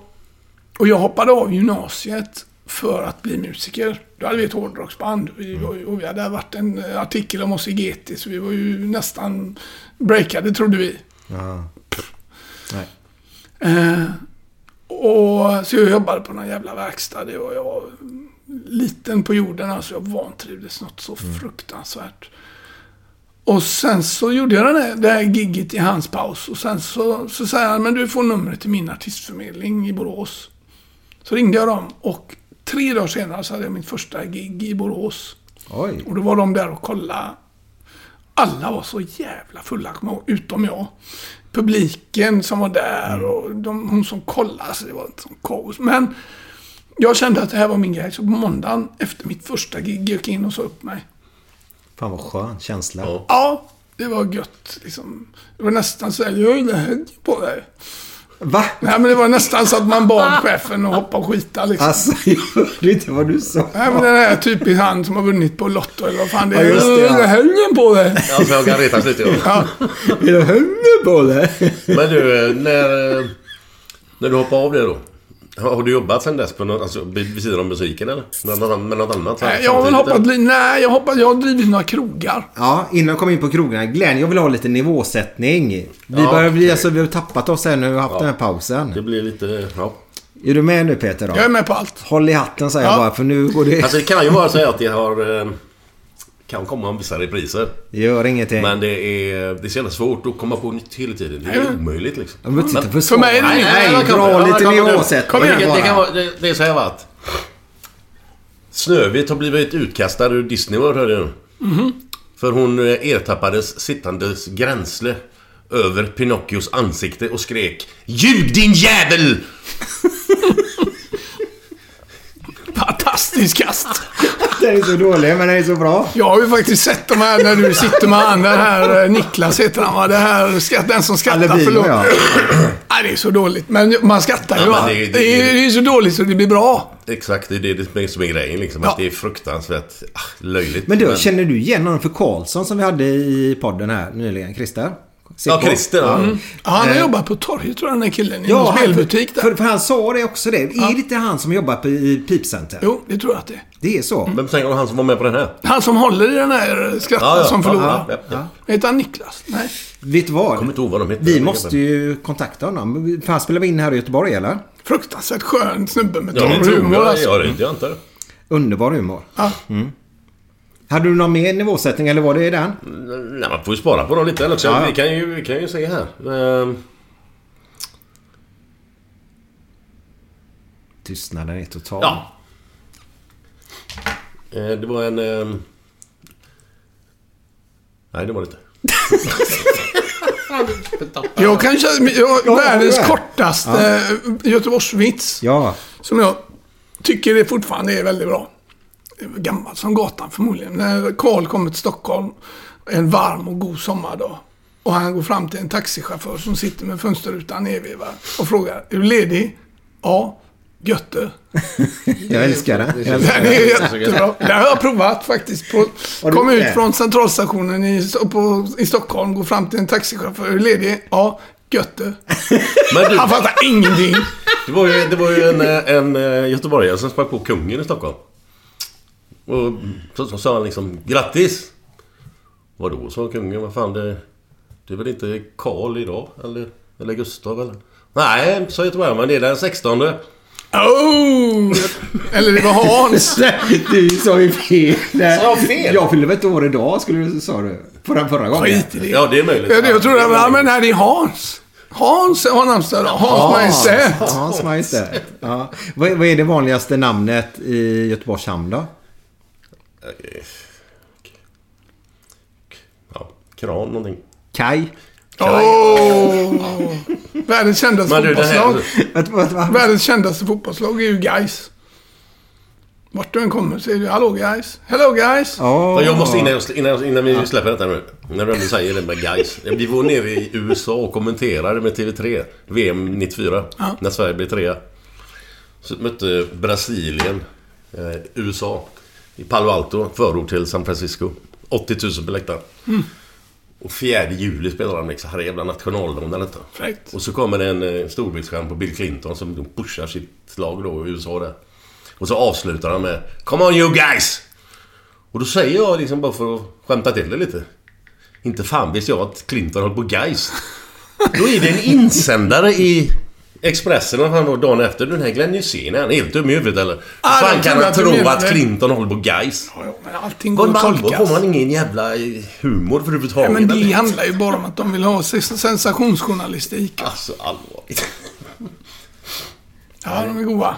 De är väldigt goda faktiskt. Eh, Glenn, Ja. vad händer... vad, vad, vad, vad, va, va, va, va, va? vad händer när du kör på en älg? Eller vet du det Peter? Vad händer när man kör på en älg? Den blir mos. Så, jo, jo, jo. Hur var det förresten? Vad händer, vad händer om... eh, Om du tvättar en älg blir det en ren. Ja. Och så säger han gjort är gjort. Ja. Nej men alltså... Eh, vad fan ska jag sagt nu? Det var ju... eh, vad kallas en prostituerad dvärg då? Varg. Prost, prost, en prostituerad dvärg. Ah, jag tyckte du sa varg. Det hade varit svårare. Vet ni inte det? Nej, jag har hört den men... Puttefnask. Nej men... Oh. Lyteskomik. Ja, ja. Jag vågar inte säga så va? Du hade företag där sa du va? Var det inte så? Eller krog? Det hade ägt kro- krogar. Ja, men det handlar lite grann om den här eh, kärleken, till, kärleken och hatet till musiken. Eh, när man liksom någonstans hoppar ut och in i det man egentligen vill göra musikaliskt. Eh, och det, det är ganska så svårt för att eh, när jag då hoppade av, jag var ju med Drängarna från eh, 95 till 97. Där hoppade jag av. För att eh, det var mycket som hände. Det, det blev en jävligt jobbig period i livet. Men var det, var, det, var det ditt privat eller var det i gruppen det blev jobbigt? Nej, det var nog mest privat faktiskt. Okej. Det, man var aldrig hemma. Nej. Det blev jobbigt. Sen blev det jobbigt i gruppen också när man är så mycket på varandra. Ja, för som vi du, var. 97 fick du ju en pojk också. Ja. Mm, och 93 var din första Ja, född sa du så va? att det, det, var, det, var, det hände mycket där. Mm. Eh, och då kände jag att jag måste göra något annat. Så då började jag plugga. Oj. Jajamän, så jag först började läsa på komvux, för jag hade ju hoppat av gymnasiet. Mm. Och visste ingenting om vad jag stod.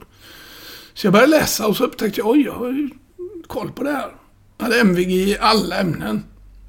Jävlar. Ja. Och, och sen så insåg jag att jag måste inte läsa upp allt. Utan det räcker att göra högskoleprovet. Mm. Och så, så gjorde jag det och så skrev jag 1,7 på högskoleprovet. Det är ju jättebra ska jag bara säga. Ja, jag kan Det inte är de, kriterierna. två- 2,0 är väl högsta va? Ja. Och jag vet att en 15 är... Där brukar man... 0,9 i snittet tror jag. Ja, men en 15 då kommer Och man du in på hade mycket 1,7? skolor. Jävlar. Det är skitbra. Ja, men jag insåg att jag har, okej, jag har nog kvar läshuvudet då. Mm. Så då läste, sökte jag in på Handels. Och så började jag plugga. Till vad? civilekonom. Mm. Och eh, jag började läsa systemvetenskap parallellt. Men den utbildningen var ganska kass på, just, på Handelshögskolan då. Systemvetenskap säger till mig. Nej. Ja, det är ju dat, alltså, dat, alltså hur du bygger datasystem och annat. Alltså, Till viss del programmering och sånt också. Men jag, det var aldrig så intressant. Men jag har i alla fall två eh, examina. Jag har en eh, i ekonomi och en i informatik som det heter. Som är bakgrunden till systemvetenskapen. Okej. Eh, Så under, och sen började jag, sen fick Bert Karlsson nys om att jag och Pontus hade börjat skriva musik igen. Eh, Så att jag ramlade Vil- ju är tillbaka. då? Nu är vi 2002. Där han fick nys. För vi började skriva direkt när jag var färdig. Eller egentligen innan jag var klar med skolan. Så började vi skriva musik. Och jag kände att jag har liksom inte, jag är inte klar med musiken för jag höll upp i några år där när jag pluggade. Eh, jag kände, men jag är inte, jag, jag är inte färdig. Och så började vi skriva, för vi hade börjat spela ihop och fatta tycke för varandra, Pontus Borg och jag. Eh, och under en period så konstaterade jag att jag är Sveriges högst utbildade musiker. Inom fel ämne. Fel ämne också. Ja, det finns nog någon annan rackare, men jag vet Ja, att jag hade Rosenström då. Ja, precis. Han är ja, mm, kanske något poäng mer än mig, högskolepoäng. Eh, så att, och sen så, och jag hade en idé där när jag pluggade på Handels, att jag såg mig själv i portfölj och kostym liksom. Men jag kastade den idén ganska fort för att jag insåg att det är liksom bland musiker och annat patrask som jag trivs bäst. Så började man skriva och, och Bert hade då den här idén att... Eh, Får jag bara fråga en fråga där med drängarna. Är Lon under Bert då? Nej, vi på. gjorde Vilka faktiskt inte vilka det. Lon under då? då? vi låg på ett bolag som heter Virgin. eh, Okej. Ja, det var ett, ja, ett som heter. Det var ju Virgin Records. En av de stora bolagen. Men Bert hörde av sig där i alla fall. Han ringde ju. Han älskade ju drängarna. Kan du härma Bert när han ringer? Han, han har en väldigt speciell stil varje gång han ringer. För han presenterar sig aldrig. Utan man svarar så. Hur går det? Vad gör du? Så han ringde och så pratade han med min fru. Och så ja, nej, det är Lennart. Säger han till henne. Och hon säger, du det är Bert som söker dig. Hon är inte speciellt imponerad. så han ger mig telefonluren och han säger, du, tjena det är Bert. Ja, hallå du. Hur hårt sitter ni fast på Virgin? Vad menar du? Ja, kan jag göra en skiva med er? Nej, alltså det, jag, det vet inte jag, så men det tror jag inte. För de har nog option på ett antal skivor. För det är ju så, då skriver man kontrakt på en skiva och går det bra så, så har de första tjing på att få fortsätta då. Så jag gjorde ju tre plattor där. Sen gjorde vi faktiskt en, en grej hos Bert, en barnskiva, jag och Robban. eh, Som han paketerade på ett snyggt sätt med ett tv-spel som heter Hugo. Jaha. Men det, det var vi liksom väldigt inkognito, jag och Robban från Drängarna. Och då hade jag hoppat av bandet, men gjorde den här grejen. Och sen så började jag och Pontus skriva. Och så, så insåg vi att eh, hur kommer vi fram med det här liksom? Och då ringer Bert och så sa du var med i mitt tv-program. Och det var 2002. Ja, vad är det för något? Ja, det ska heta Fame Factory, sa han. Fame Factory, ja. Uh, ah, det tror jag inte, så. Ja, du får komma upp och kolla. Ja, hej. Och bara la på. Ja, ja, det gör han alltid. Så ringer han. Hur går det? Hej. Eh, Så jag åkte dit och kollade. Eh, Blev inbjuden liksom till eh, där de var och smög runt lite grann. Och Jessica kände jag lite grann. Och några, Andersson? ja, några andra hade jag lite sådär. Kände jag lite grann. Men jag tackade faktiskt nej. För dels hade de hållit på ett tag. Och jag sa, men Bert, jag kan ju inte bara hoppa in. Jag slänger in den när jag vill. Han är underbar. Ja, som en joker. Så. Så sa nej jag skiter i det. Och sen började vi följa programmet. Och jag tyckte det var görbra. Jag gillade formatet. Sen ringde han på juldagen. Ja, hur går det? Jo, det går bra. Jag sover. Ja, men du, nu kan du inte säga nej. Vi hade 1,3 miljoner tittare och vi ska köra igen. Ja, så pratade jag lite med min fru och så ringde jag upp honom och sa, ja, men okej, jag kan prova, så. Men jag kommer inte dansa. Du gör som du vill. Så tog det ju tre veckor, så såg man ju en dansklass. Ja, ja naturligtvis. Ja, Men du, vad fan, jag, jag vet ju, jag känner ju namnet Fame Factory. Det är inte snack om det. Men vad, vad gick det ut på liksom? Alltså det var ju tanken att det skulle vara en slags eh, artistskola. Och det var ju lite märkligt för jag hade ju redan gjort en sväng. I branschen. Det var flera med mig. Mia som var med i min. Hon har varit sångare i Rednex. Och, Okej. eh, det var några som hade varit etablerade. Liksom, men som Bert ville produktplacera. Förmodligen eh, Linda Bengtzing och jag blev ju inkallade samtidigt på den här slutaudition då. För att vi var tvungna att finnas där. Ja, så att de andra såg er då. innan. Så att man nå- någonstans ser, det såg ut som att vi hade sökt. Ja. Liksom. Eh, och Linda och jag fick eh, platserna. Men Linda tackade nej den gången för att då skulle hon göra ordjakten i TV4, tror jag det var. Och sen hoppade hon ju in tredje säsongen, tror jag. Okej. ja. Sen våran säsong, vi hade grymt mycket tittare. Men det var, jag tror att Bert slet lite grann med vad han skulle göra med, med oss som var i den omgången. För ingen av oss hade må, målet om att göra Melodifestivalen. Och Bert är duktig på, och hans bolag, det de jobbar, de är duktiga på Mello, men de var inte så duktiga på att få fram artister på annat sätt. Det- Men tog det- de fram folk då som ska... Den här, det här programmet. Tog de fram folk som skulle vara med i Mello då? Eller, Ja, men eller då- vem vinner? Nej, utan Nej, men det var man utslagstävlingar var det det var ju då, alltså, det var ju Man- man kan väl som säga- Idol, fast tycker jag... På ett, bättre. jag tycker att det var Okej. bättre, men det, det, det beror helt på vad man menar med bättre. Eh, jag jag, kan- gjorde ju bara min egen musik Ja. i programmet. Och det är väl det jag kan tycka är lite märkligt med Idol-formatet. Att du ska försöka plocka fram folk som kan göra många grejer. Sätt in Håkan Hellström i Idol, han kommer ju 97 liksom. Ja, men man, det är väl inte det intressanta med en artist att du ska kunna göra många grejer. det intressanta är väl att du ska vara bra på det du gör. Det, jag tyckte med, med Fem Factory kontra Idol då. Idol känns som att de kör sitt och sen får de ingen... Och, och ser, om jag kommer ihåg, nu måste jag rätta mig här nu Peter då. Men då var det så att mellan varje final då som var då, eller delfinal på lördagar eller vad det var då. Så fick ni Jag kommer inte ihåg ju... när den sändes, men vi spelade in det på torsdagar. Vi låg tre veckor före. Ja, okej. ja. Men man fick ju följa er Jajamän. dagligen om man så Jajamän, säger. och då fick dag. de ju vet du, eh, hjälp med koreografi, sånglektioner. Alltså man utbildar sig. Det var Och det verkligen var skola, faktiskt var det. bra på riktigt, ska jag säga. Vi hade en kvinna som hette Monica Einarsson som var sångpedagog. Hon var grymt bra. Ja, hon var, det, det som hon framför allt gjorde för mig kan jag säga, det var att hon fick mig att fundera på vad är det du sjunger? Alltså, om man tar två bra exempel, Bono och Bruce Springsteen. Finns inte någon gång de bara levererar en text utan att fatta och mena vad de säger. Det finns väldigt många sångare som bara... Det, det, texten bara är en bärare av melodin liksom. Eh, Det, det gjorde hon bra för mig. Och sen så var jag liksom mitt i livet, hade små barn. Eh, fantastiskt. eh, Alltså bara att få ägna sig åt sig själv och sin musik i tre månader. Nu kan jag tänka på en grej då. Eh, för när jag kommer ihåg när, när du var med. Jag bara hoppas jag minns rätt för det här var ju 03 va? 03. Så det är många år sedan. Ja, det är säkert tre, fyra år sedan snart. Men du sjöng en... ja exakt. Eller Glenn? Exakt. Eh, det var ju bra. Då, då, du, du pratar om att förstå vad man sjunger, alltså vad man levererar. Och det är ju Håkan väldigt duktig på. En bland de bästa jag sett med honom faktiskt var... Eh, han var med på Skansen ett år. Och så efter Skansen var klar så hade vissa artister fått uppträda en timme där.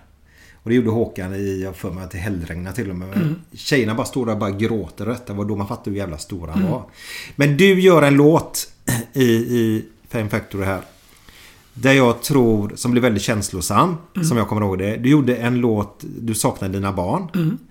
Eh, och undrar fan inte om du till och med började gråta. Jo, någonting. jag kan berätta storyn. Kan du göra det? För jag, jag har ett svagt minne av detta och det var så fint var det. Ja, det var en fin men det var låt. väldigt konstigt. Det var lite lustigt. Fast det var ju som så här, programmet...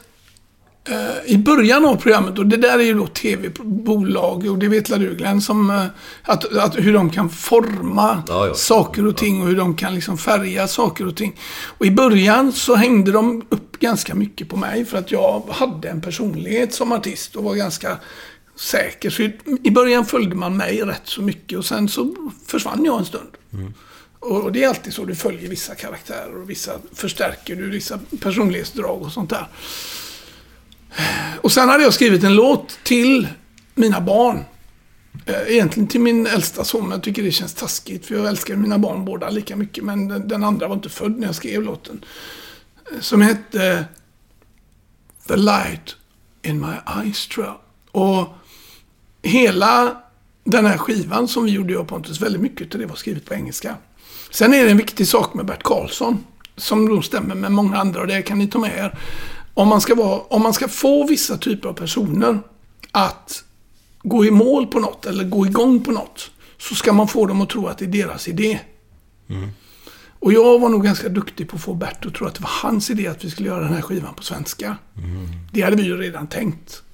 Men då planterade jag den idén hos Bert och sen sa han "Du, jag tror vi ska göra eh, låtarna på svenska. Ja, vilken bra idé Bert! Beröm! Beröm. Beröm en idiot. Ja, men då fick han ju då fick han cred för det. Ja, Bert, Bert är långt ifrån en idiot. Ja, men det var inte så jag menade. Nej, jag men det är ett uttryck man Ja. har då. Eh, så då gjorde vi den här på svenska. Och just den låten, den skrev jag texten till där i Skara. Den här översättningen. Som då blev en låt som heter Det bästa jag har. Och sen hade vi ju torsdagsfinaler. Och efter dem så gick vi ut och krökade skallen i bitar. Och varje fredag morgon hade vi det som kallas för masterclass. Där vi valde att sjunga någonting för de andra. Och jag hade inte varit hemma på två veckor och inte, barnen hade inte varit uppe och min fru så vi hade inte träffats på länge. Så då står jag där och ska sjunga den här för första gången i mitt liv. Den här svenska texten. Och vi är svårt bakis, ska tilläggas. Och hemlängtan så det knakar om det. Och så börjar jag sjunga den här låten och någonstans mitt i det här så känner jag att shit vad jag längtar hem. Och saknar mina barn. Så då börjar jag lipa. Och jag bröt ihop som en bebis, vet du. Och började garva åt mig själv i det här. Och det blev ett sånt moment. Och det här blåste de ju upp. Så jag gick ju rätt ut till en telefonautomat vi hade och ringde hem till min fru och sa Jag har gjort det. Vad har du gjort? Jag har lipat i TV. Och hon, nej! Och det blev ju en grym reaktion på det. Ja, det var fint. Jag fick så mycket brev och nallebjörnar och det blev ganska jobbigt för det var många barn som hörde av sig och berättade om deras pappor som var elaka och slog Herregud. dem och du vet sånt där. Och jag, vi har väl också en sån pappa som dig. Och jag liksom, oh. Så jag skulle bli någon slags världssamvete där. Fy fan. Ja, och så det, det var ganska märkligt. Men den låten betydde mycket för många. Eh, Och det gör den än idag faktiskt. Även om den inte har streamat jättemycket. Finns den på Spotify? Eller Den finns på Spotify. Jag har ju tre egentligen sidor på Spotify som jag medverkar på. Den som är överlägset mest streamat är ju Drängarna. De låtarna jag var med på är streamade 25 miljoner gånger tror jag. Och sen är det Simson DuPont som eh, det bandet blev som vi gjorde efter Fame Factory. Och sen är det min egen sida Peter Simpson där jag hela tiden släpper nytt. Kan man gå in där och klicka följ. Följ! Följ. Följ. Men eh, alltså, det är väl helt okej att följa den sidan. Men om man följer det för mycket får man eh, möjlighet att se den näck då? Nej, alltså jag har slutat med det. Jag, jag har fått ett ord nämligen jag ska säga näck bara. Säg näck. Men jag Vad är, hade vad är detta för fetisch? Alltså det är svårt att säga. Jag tror att det finns en del musiker som förstår mig när jag säger att det var väldigt roligt att chocka människor och framförallt nakenchocka. Jag kan inte riktigt förklara det nu som Ja, vuxen men vad människa. hände då? Det här Nej, vi, vi snackade handlar förr om i att tiden. spräcka. Ja, det började tidigt. Jag och en kamrat sitter på Bamboo. Kommer du ihåg den restaurangen? det, underbar restaurang. Ja, ja, ja, ja. Fick man så här en liten buddha när man gick hem. Jajamän. Ja. Då sitter vi längst in. Mm. Och så blir vi väl lite på örat. Och så får vi en idé. Så vi, när vi går därifrån så går vi... Har vi tagit av oss byxorna och går ut? Och jag, ingen vet varför. Och jag var nog, tror jag, ledare i nakenklanen i Sverige. Alltså. För så fort det skulle göras något konstigt så skulle brallorna av. Det är lite yrroll över detta ju. Ja, men det är... Och jag kan... Det enda jag kan säga, jag kan absolut inte förklara det, men fy fan vad mycket konstiga grejer man har gjort. Men vad kul det var just då. Då var det ju fruktansvärt roligt. Och jag vet att min fru, hon hatade detta. Och jag kunde aldrig förklara det liksom. Men det är ingenting du ska göra idag? eller? Nej, alltså det, jag, tyvärr så har jag växt ifrån det. Ja, det är roligt. Kommer du inte ihåg Yrrol där? När han står naken på utsidan så ollar han i glasrutan Ja. där. Så går hon upp och säger fy fan vad äckligt. Ja, så är går hon hon näck. så är Ja, i näck den är väldigt rolig Ja. den ja, men, och jag, jag, det, jag kan omöjligt förklara det. Jag vet bara att... Var, nej, det är någon slags bekräftelsebehov förmodligen. Ja. Alltså klassens clown. eh, Ja men vi är där ledaren lite grann. Nu är vi tillbaka i sjunde klass lite. Nej, men, nej, men så, Spela bas, många sådana. När vi turnerade med drängarna så hade vi en, en, en idé om att spela nakenrundpingis på alla hotell. Det är ju spännande. Väldigt udda. ja. Men det är, det är tur inte det hade hänt idag. För då hade du legat ute överallt. Ja, och det, var, ju- det är väl kanske det som gör att det, det går inte att göra de grejerna längre. För nu är ju du åtta sekunder bort så finns ju på alla sociala medier liksom. Men, eh, men shit vad konstiga grejer man har gjort. Hade det gett dig ångest Glenn?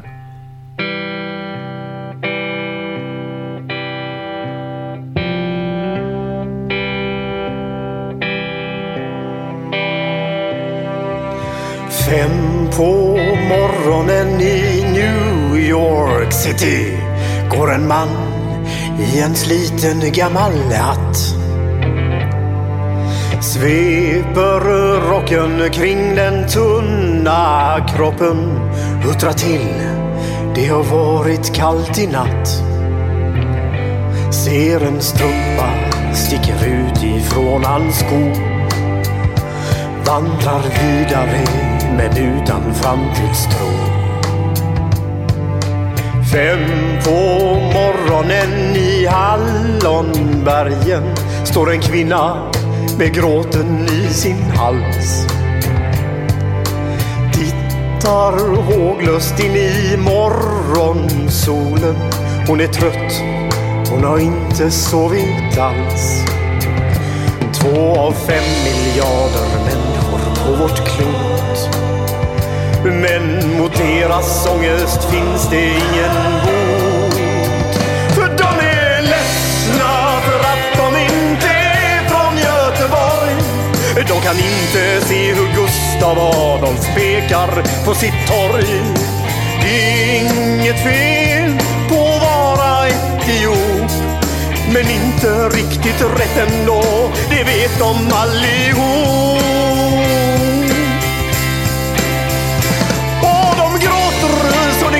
Det när de får en inre syn av hur vi som är från Götet tar en öl på Avenyn.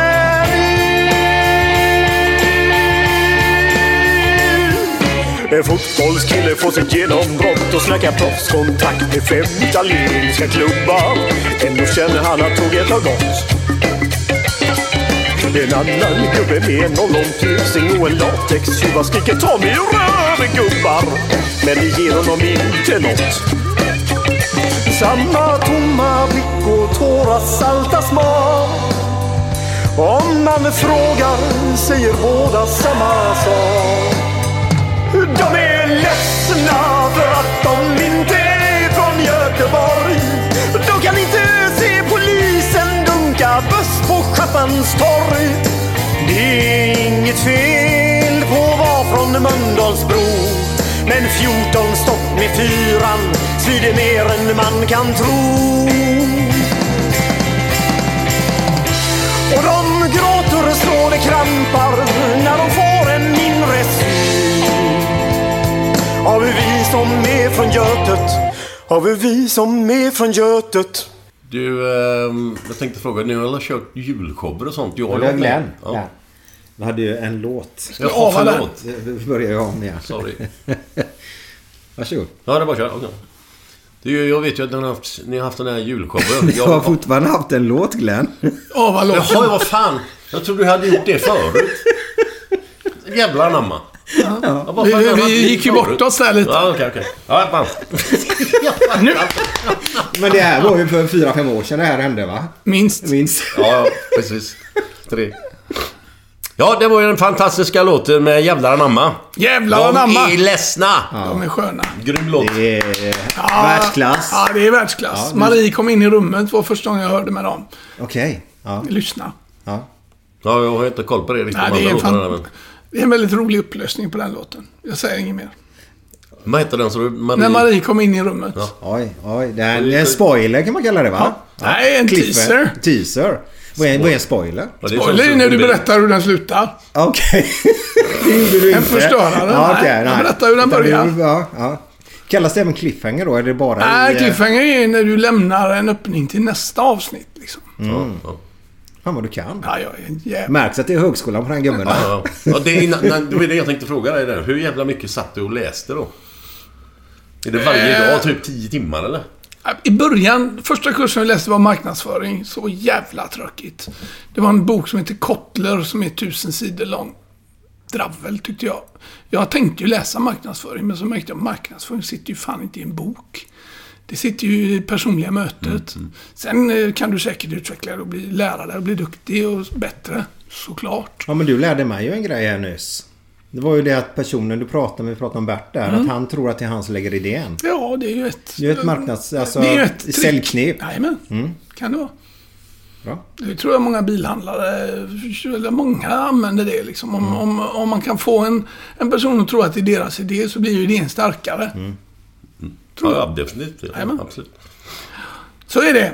Ja, jävlar anamma ja. De gjorde vi en julshow, eh, inte på samma ställe, men eh, vi var på Valand på övervåningen och de var på nedervåningen.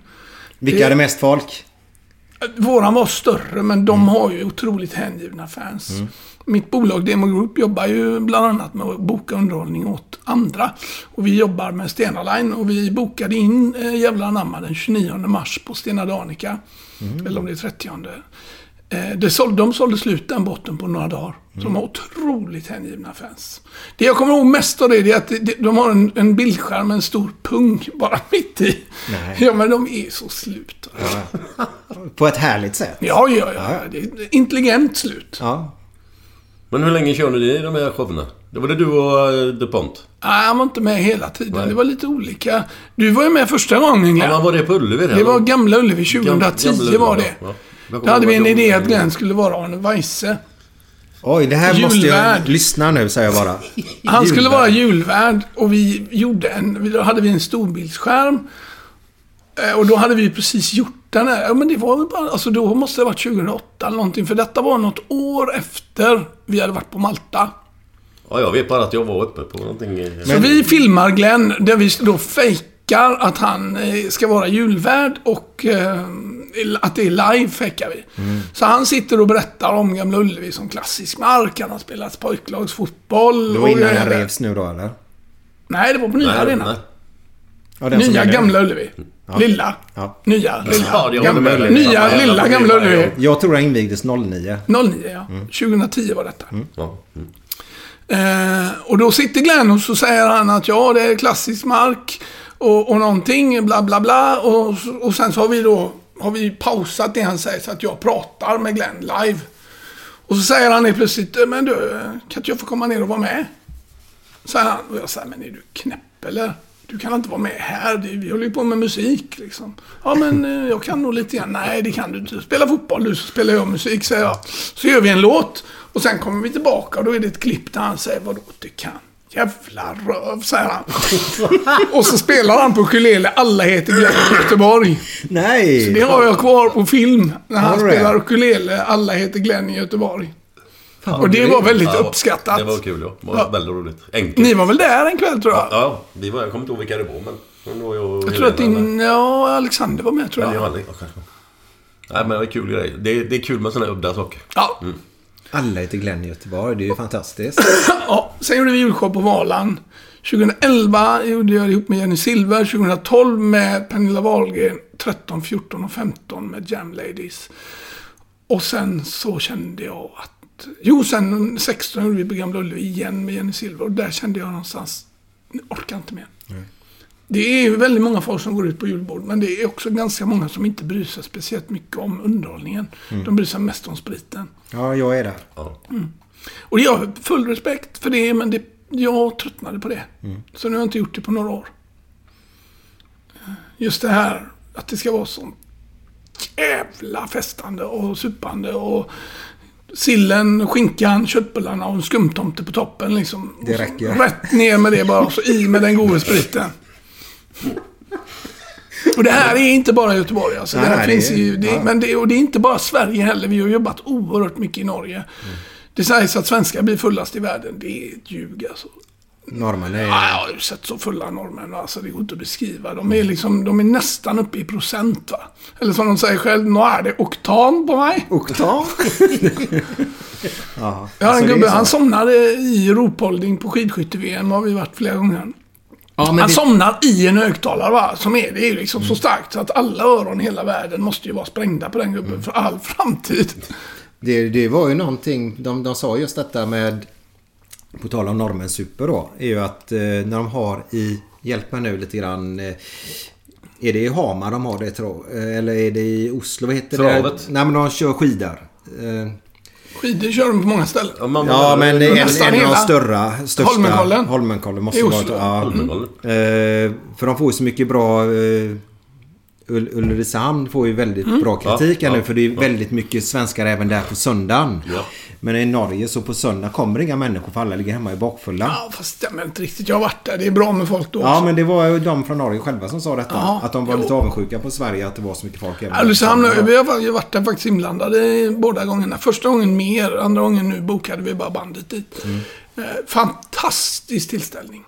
Helt galet.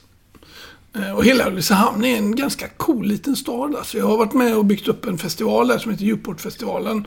Som eh, 2017 vann pris som Sveriges bästa festival. Oj. Utav, eh, av artisterna själva. Det är ju jävligt stort. Ja. Så att, och det är en kille som heter Sebastian som är en sån eldsjäl i Ulricehamn. Så att har man ledigt första helgen i augusti ska man skita i att gå på Gyllene Tider. Då ska man åka till Ulricehamn och gå på en riktigt fin festival. Vad hette den igen? Uport. Uport. U-port. U-hamn. Den ligger Man väldigt kan gå. Gyllene Tider också. Man kan välja. Ja, de spelar på Ullevi, var det? Ja, det är ju lite jobbig konkurrens faktiskt. Mm, det är det. Mm.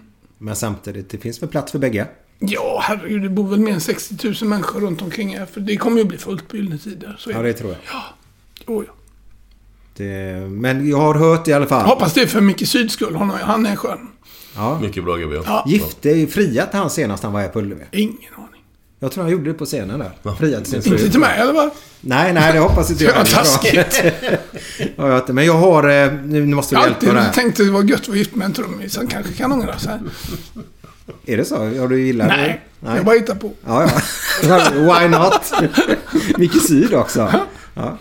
Eh, Two Dogs Moskva skulle jag säga också. Ja, Jag har hört då. Vad förstår du vad jag menar? Ja eh, vi landade i Moskva eh, 1997 kan det ha varit. Eh, då, då fick vi en fråga. Vi hade spelat mycket i Norrköping, så fick vi en fråga. Jag, eller jag fick en fråga från några killar som hade öppnat en klubb i Moskva. Eller de höll på att bygga en klubb i Moskva. Eh, om vi kunde komma dit och spela, om vi kunde sätta upp ett band. Här satte vi då ihop ett band som vi tyckte var... Jag tyckte det var jätteroligt. Det var ingen annan som tyckte det. Spice Girls var ju ganska heta då. Och då stavade vi... Då satte vi ihop ett boyband som stavades B-I-C-E. Boys. Och det var ju ända tills du säger det. Så fattar du inte. Bajs Boys blev det. Bajs och vi tyckte det var jätteroligt. Det var ingen annan som tyckte det var särskilt roligt. Eh, så vi hade ihop ett band där, Pontus och jag och Henkan och Spiff. Vi var fyra gubbar, vi skulle åka över till Moskva. Så ringde de här när det var två veckor kvar och så sa de, du, eh, vi har byggt klart nu. Säger de, ja, ja, det blev väldigt liten scen. Kan du ta bort två gubbar i bandet? Eh, Jaha, ja, det kan jag väl. Så då snackade jag med Pontus, kan vi åka över med varsin gitarr? Ja, det kan vi göra. Och sen ringde de och sa, kan ni spela med Jean-Pierre Barda också? Ja, det kan vi väl. Var han där? Så vi hängde ihop med honom i några dagar och sen har vi gjort massa grejer efter det för länge sedan. Så en ofattbart skön snubbe. En av de absolut roligaste, trevligaste, mjukaste människorna jag någonsin har träffat. Han lärde oss att gå catwalk. Åh. Han sa det att en man, även en man går som bäst i högklackat. Ja, men det kan ligga något i det. vad gör en sån gubbe idag? Han är frisör tror jag. Okej. inte- vi, vi gjorde några jobb hemma efteråt där vi var värdpar han och jag. Ett Fantastiskt roligt värdpar. Kan jag tänka mig. Eh, men vi hade skitkul tillsammans i Moskva några gånger. Sen åkte han hem och vi hängde kvar. Och det blev, liksom, det blev liksom en snackis lite grann att det var två kända svenska musiker. Och Pontus var inte alls känd och jag var inte heller det längre. Men jag hade ju varit med i Drängarna. Mm. Och ingen fattade vad det var där. Eh, Och så frågade de vad heter Är ni med i ett band? Ja. Är ni kända? Ja. Vad heter ni? Two Dogs. För det var det enda jag kom på. Two dogs. Ja, det var ju en cider tror jag, eller en öl som kom som hette Two Dogs. Den, den kanske stod i barhyllan eller någonting. Så att vi gick runt i Moskva på alla klubbar. Och kom in stort sett gratis överallt. För att vi var två svenska kändisar från bandet Two Dogs. Har ni hört om dem? Nej. Fanns ju inte. och så är vi en kväll är vi ute med... med eh, då kommer det, det kommer, vi spelar ju då på förkvällen och Moskva är ju öppet till sex på morgonen på vardagar, åtta på helger och vi hade ju nycklarna till alla ställen liksom. Och eh, så kommer det ner en schweizisk kasinomanager och de tjänar ju så fruktansvärt mycket pengar i Moskva på den här tiden, de här människorna. Och så är det vi, det blir ett gäng på 12 pers som ska gå vidare. Och vi hamnar på något sånt fruktansvärt flådigt kasino där entrén är 120 dollar. Och liksom dollarn stod i 11 spänn, så det var ju 1300 spänn bara för att gå in. Och så halar han upp sitt sånt eh, diamond card. Så han, know where is boys, I take this. Så han drog entrén där liksom för 12 gubbar, 15 000 spänn eller någonting. Och vi kommer in och känner oss som Humle och Dumle va. Och så sitter man där med de här gubbarna som bara kastar pengar runt omkring. Vi känner vi måste ju bjuda på en runda liksom. Så vi drog in en runda. Jag tror fan en runda kostar 7 500 alltså. Herregud. Fan. Men det kostar, ska man vara med så får man ju ge tillbaka. Ja, ja, men så är det. Men det är ju fan ocker alltså. Det är ju löjligt. Ja, men det var viktigt. Alltså, ja, det är ju- För dem då, det var liksom, det handlade mer om att det skulle visas att det var dyrt. Liksom. Ja, men det, de är ju fortfarande sådana ryssarna. Ja, Jag tror att det blev bättre. Då var det, tror jag, extremt. Hade det precis släppt allt det där då? Eller? Det här var ju liksom 90, kan det ha varit 97, 98. Så det här var ju när det hade börjat komma väldigt, väldigt rik befolkning. Sen har vi varit tillbaka i Ryssland och spelat. Ehm, och då hade, då hade det växt fram en medelklass. Men då var folk antingen extremt fattiga eller löjligt rika. Det kommer in en snubbe på krogen och beställer in en flaska Louis XIII som är den dyraste konjaken som finns. Och den kostar 22 000, den konjaken. Så dricker han en tvåa. Och så ställer han den och så säger han You can have it. Och så går han. Ödmjuk snubbe. Ja. 11 000 per centiliter, det är rätt dyrt alltså. Ja, ja, det är det. Men det är ju bara att visa sin... sin... Ja, bara för att visa att man har stålar. Det var Sen är jag en, en kul grej därifrån faktiskt. Det var att diskjockeyn på det här stället kommer fram till mig och rycker mig i armen och så pekar han in i hörnet. Do you see? Och jag tittar in i hörnet. No. Ett hockey goalkeeper. Tretjak. Trättjack? Så tittar jag. Ja, det var det fan i mig. Jag ställer av mig gitarren. Kliver fram till honom och så ser jag, där sitter ju Tretjak med snubbar runt omkring sig i en rutig kostym. Så knackar jag honom på axeln. Ah, Mr Music, säger han. Och så säger jag, When I was a kid, I hated you, sa jag till honom. Så tittar han på mig och säger, Tack så mycket. Nej, sa han Och så, det? "Ja, My friend Honken teach me. Ja. Han var kompis med Honken då. Ja. Fy fan. Vilken gubbe. Ja, ja. Och så håller han fram ett, ett, en idolbild ur innerfickan, en hockeybild och signar.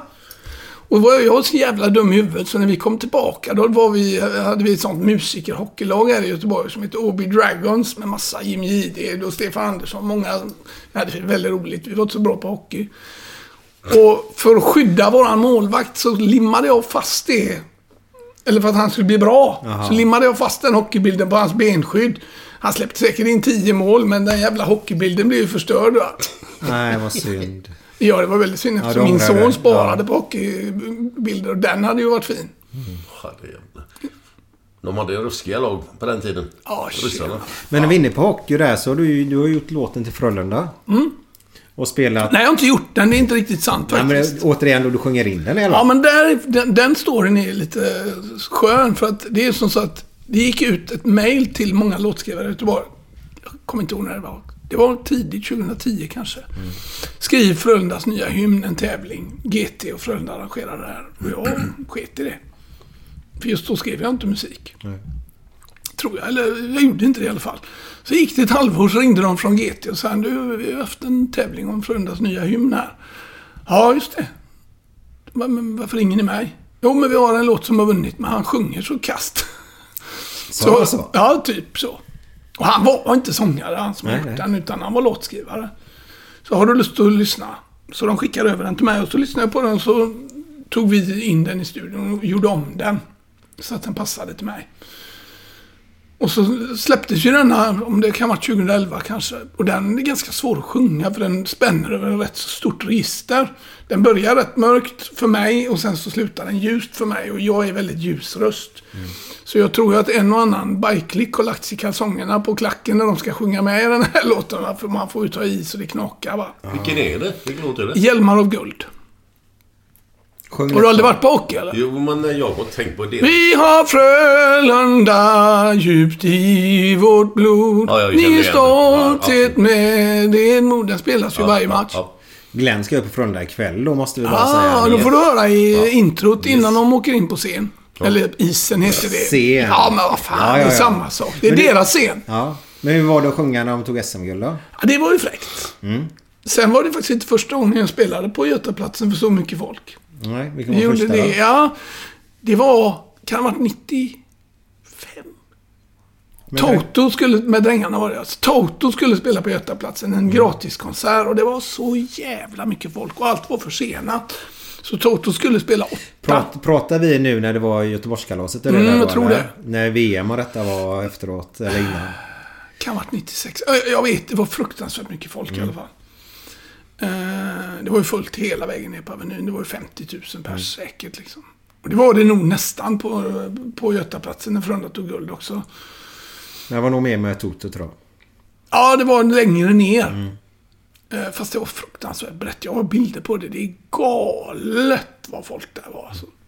Fan vad skönt. Det är ju helt suveränt. Ja, det var fräckt. Men då, då var det i alla fall, då fick vi spela på deras utsatta tid. Och då kommer jag ihåg att det var precis när kungen hade gjort sin Maja och sagt kära örebroare. Åh! Så jag gick ut på scen och så sa jag Hallå Umeå! Nej! du gillar ju att Och då, retas. ja, och då var första gången vi fick bra recensioner. I, det var Bert Gren på GP. Som gav oss en bra recension för det giget. Och han skrev, nu fattar jag, de skojar ju. Ja. Var det bra tycker du? Ja, det gör jag. För det var det vi gjorde. Det var det de inte fattade. Alltså kritikerna hatade ju drängarna. Hatade. Varför det? Ja, för att de tyckte vi var kassa. Men det med kritiker, jag menar, jag menar som, som kritiker så gillar du ju det du gillar och det är svårt om du spelar Nej, men det är inte riktigt sant. För att det, du gillar också viss, eh, Sen kan jag förstå att de, de sågade det lite grann. Det var ju lite spekulativt. Vi hade ju kul och det var humor i det. Det vi hade svårt för det var väl att de tyckte att Markoolio var okej och just det var okej men drängarna var inte okej. Det var egentligen samma, lite grann samma skrot och korn fast det var Stockholm och det här var Göteborg liksom. Så, men vi, vi, vi tog ju det här, alltså vi tog alla de här bollarna. Vi, hade en tävling om vem som gjorde den sämsta sågningen, eller bästa sågningen. Och då var det en, en som skrev för Göteborgs-Posten som vi utsåg som vinnare. För att sågningen var då att, jag kommer inte ihåg exakt hur det stod, men jag tror att överskriften var möte med Lidemannen. Oj. Och så var det liksom en sån jävla totalsågning. Det var en överkorsad dödskalle var det på Vem, skivan. vem var eh, kritikerna? Jag minns inte det. Nej. Jag minns faktiskt inte det. Men eh, i vilket fall som helst så... Eh, då står det i slutet att om även turnén blir en succé, då har han ju erkänt att plattan är en succé. Om även turnén blir en succé så ska jag emigrera till Österrike där jag har hört att det finns bra musik.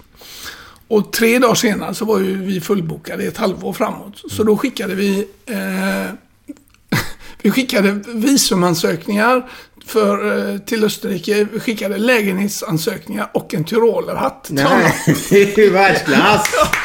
Det är lite humor. måste Ja, ja. säga. Och vi tog ju allting med en klackspark. Och det Mm. var väl det som retade folk. Och så sålde vi fruktansvärt mycket skivor. Det gick ju att sälja skivor på den tiden. Ja. Så. Men Ja. tjänar ni pengar på det då? Eller? Ja, det gjorde vi. Ja.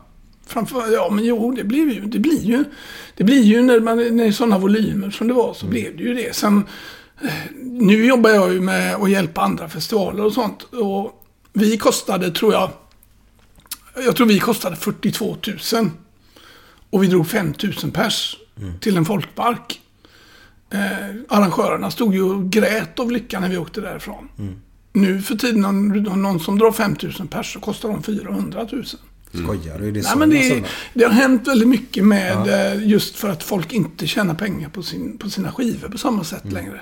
Dock så tjänar ju folk pengar på Spotify, men det är inte riktigt lika direkt och det är inte riktigt samma summor längre.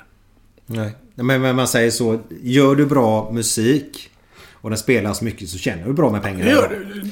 Det finns ju en betalning för det. Alexander Bard eh, är ju en av Sveriges eh, mest kontroversiella människor. Men han sa en grej redan 90, på 90-talet. Han sa att att ta betalt för sin musik på det sättet vi har gjort sedan 50-talet, Elvis, det är en parentes i historien, sa han. Så han scoutade det här tidigt. Förr i världen så var det liksom som så att Mozart och de, om de skrev en, ett stycke så fick de betalt för att framföra det. Och där är vi ju nu. Nu är det framförandena som folk får betalt för. Okej, Spotify har ju... De har hjälpt till. Radion hjälper till mycket också. Om det spelas mycket där. Ja, men det är inte många. Alltså det är inte många som tjänar pengar på Spotify och radion. Nej, men de som gör det tjänar Ja, bra med pengar. Jo, okej. Så. Är ni, Ja, men jag- är ni överens eller? Nej, men jag vet ju Veronica Maggio tror jag. Hon drog Jo, över jo, 5 jo, jo, jo, miljoner jo, ett år jo, i bara alltså, royalty på, på ja, P4 ja, ja, ja. P3. Det finns ju alltså, men, men det, det finns ett A-lag Mm. numera. Som tjänar jävligt mycket pengar. Eh, Så har det väl till viss del alltid varit. Det som är kul tycker jag med Spotify, det, det är att det finns en plattform för alla. Mm. Förr i världen så kunde du inte få ut din musik utan ett skivbolag. Och det får du idag på ett Det annat får sätt. du idag. Ja, det är grymt. Och det ser man ju då eh, på... Ta Björn Rosenström som ni spelade här förut. Jag tror att det är ett bra exempel. Han har ju aldrig haft ett skivbolag. Han har en distributör. Men jag menar, han har ju en subkultur runt sig. Samma faktiskt med gamla drängarna. Det streamar hysteriskt mycket. Så det går att komma fram. eh, Men det är inte lätt. Nej, det är De stora bolagen har också lagt beslag mycket på listplaceringar. Så det är de som bestämmer vilka låtar som ska ligga på listorna. Liksom. Det är så pass. Mm. Sen kan du hamna på listor av andra skäl också, av att du har många lyssnare. Men bolagen sätter ju listorna. Så att det är fortfarande lättare att ligga på ett stort skivbolag. Men det, Men man gör ju inte bara musik för pengar som vi Nej. förut. nej, Hjärtat då gör man det av fel skäl. Faktiskt. Men det är ju ingen, det är ju ingen dum idé om man skulle känna på det sen. Det är Även om det inte är huvudgrejen liksom. Alltså det finns väl... Under väldigt många år så har ju musiken... eh, Alltså, och det var väl det som kanske många störde sig med Drängarna. De gjorde väl någon parallell med sm- smurfhits liksom. Vi tjänade pengar på någonting som inte var äkta tyckte de. Eh, och vad är äkta liksom egentligen? Det finns väldigt många artister som inte gör det de egentligen skulle vilja göra. Men som gör det för att de tjänar pengar på det. Måste ju överleva också. Ja, sen är det ju ett antal då, som verkligen gör sin grej och lyckas med det. Och det är skitkul. Sen finns det många som gör sin grej utan att lyckas. Och det finns väldigt många. Det finns väldigt många. Ja, det finns väldigt mycket bra musik som inte kommer fram. Där tycker jag att Norge är ett bättre exempel. Norrmännen är väldigt mycket mer måna om sin... Alltså de har radioprogram där det måste vara på, på norska. Jaha. Det ska vara liksom, eh, de ska vårda sin vistradition. Svensk, svensk radio är rätt kass på det, tycker jag. Det kommer en del ny svensk musik, men det är väldigt lite som tar sig in på radion. Där du pratade förut om att positivt vara känd eller inte. Eh, som musiker. Där är det Där har vi ju Så positivt. Jajamän. De- Om Per Gessle släpper en fjärt så, går den in i radio. Ja, ja. På deras så kallade A-lista då. Och då tjänar han bra med pengar på det. Ja. Mm. För att han är Ja, känd men så är innan det. då. Så de som har in- en gräddfil. Mm. Och det kommer ju mycket musik så jag kan förstå att det är jobbigt för musikproducenter. Men jag släppte en låt förra året som heter Förlåt om jag stör. Som gick upp på... eh, Gick faktiskt upp topp 20 på Sveriges mest streamade låtar. Men det går fort nu för tiden. Så den var uppe och nosade bara några dagar och sen så, så försvann den igen. Och den spelades en del på radion.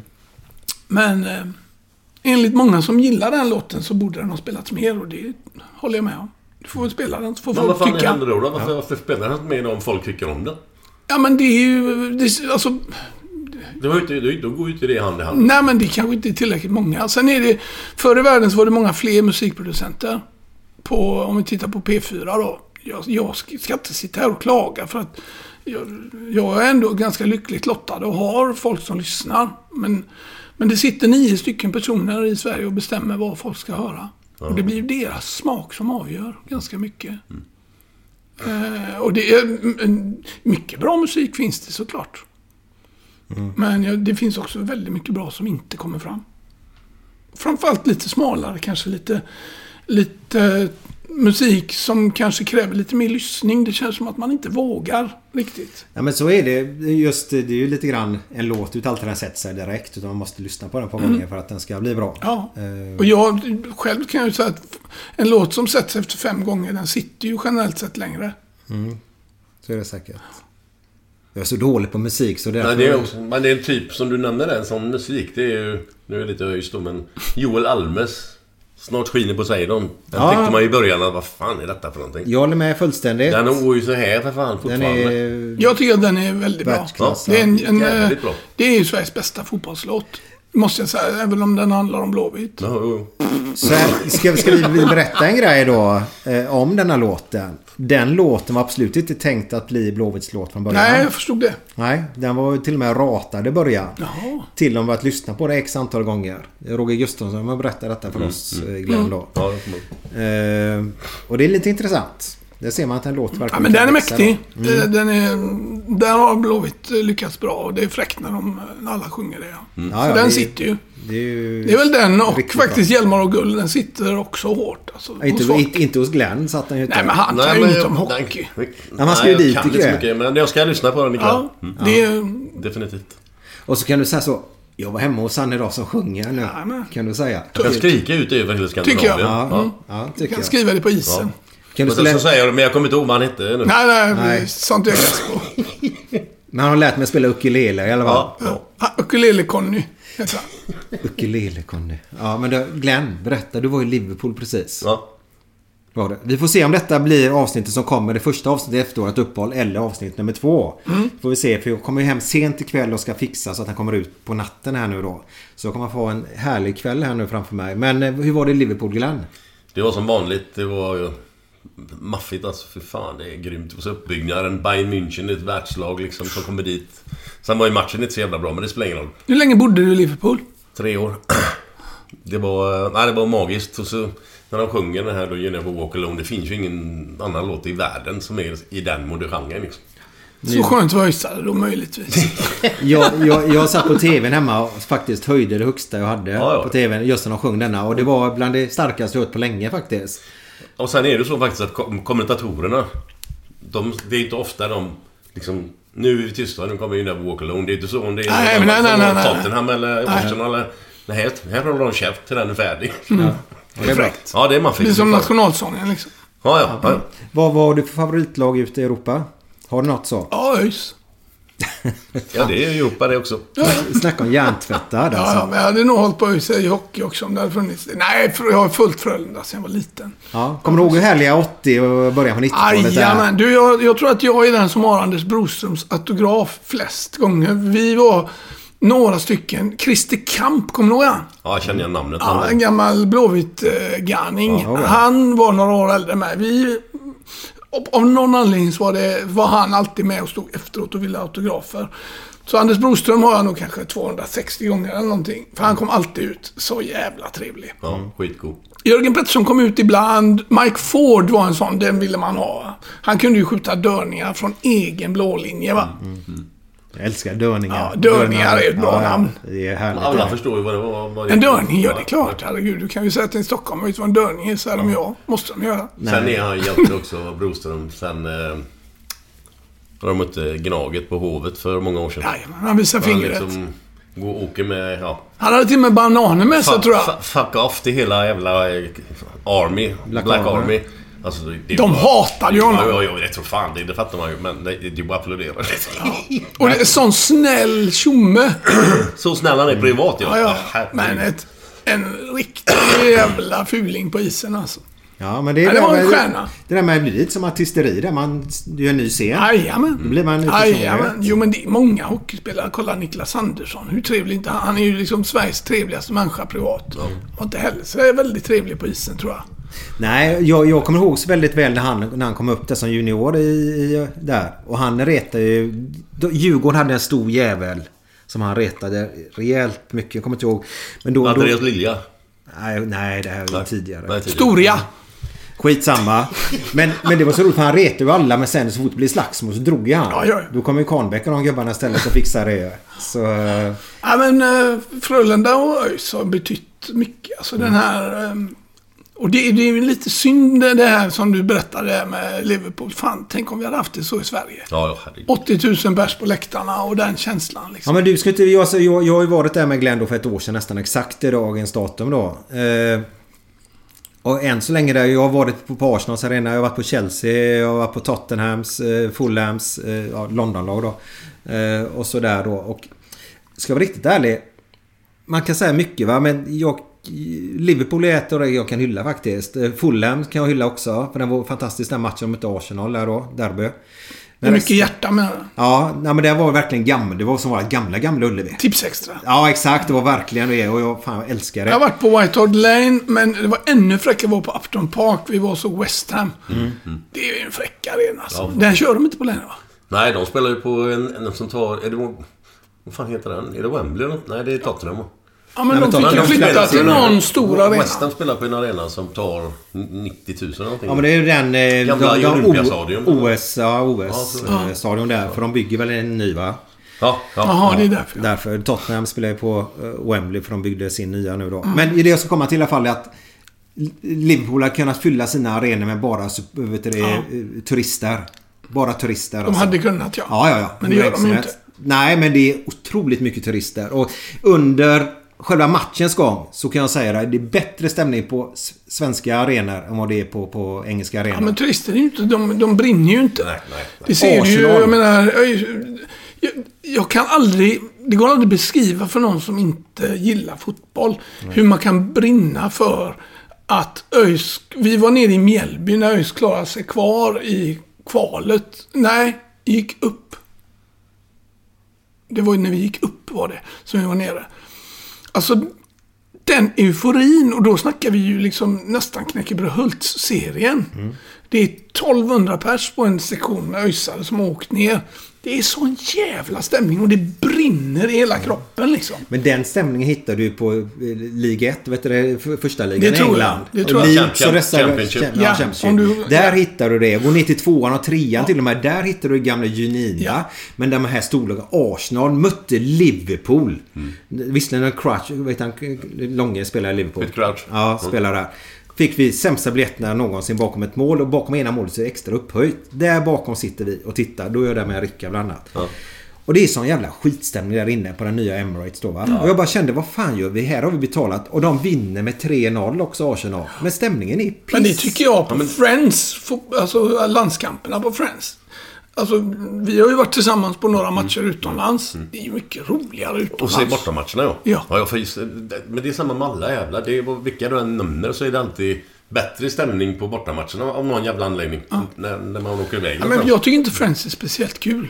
Ja, den är för Den blir så... Den, ja, men den blir, det blir lite dämpat. Det är väldigt vacker och f- Jo, den snyggt. ser bara bra ut ja. Ja. Men, men de har ju problem med, du som musiker då. Ak- ak- Akustiken, ja. Den dämpar för mycket. Det, det, det fast försvinner ut. Ja. Det stannar inte kvar. Det är inte Nej. det trycket i, i arenan. Men du vet, i och med att, nu ska jag om Liverpool, i och med att Liverpool växer ju som stad liksom. Den blir mer och mer modern. Det blir mer och mer folk som kommer dit, turister. Förut var det ju fan, när vi spelade så var det fan inga turister. Men nu kommer det mer och mer turister och Ja. priserna ökar. Ja. Och de vanligaste båtarna har inte råd att gå dit liksom. För de kan inte lägga eh, 5000 spänn varje match. Nej. Så det, det funkar liksom inte, tyvärr. Nej, jag tycker det är tyvärr. Det är tråkigt så sett. Men det var bra stämning i, i nu när ni spelar eh, den matchen. Ja, herregud. lördagsmatcherna. Tyskarna gjorde ju sitt också till naturligtvis, deras supportrar. Ja, var... de kommer ju några stycken också. Ja, ja. Jag vet inte hur många de får in där. Eller 1500 kanske, eller 2000. Nej, det var grymt. Sen att inte matchen var så jättebra, det är en annan sak. Det är en annan sak. Ja. Stämningen är nästan viktigare än matchen ibland. Jajamän, jajamän. Sen hade du inte gjort någonting om de hade petat in ett. Nej, nej, men nu måste tyskarna göra mål. Öppnar de upp sen så kan ditt eh, ju ha- omställningslag Ja, ja. bara ställa om och Yes. göra Ska du dit på returen? Mm, nej, nej. Inte planerat i alla fall.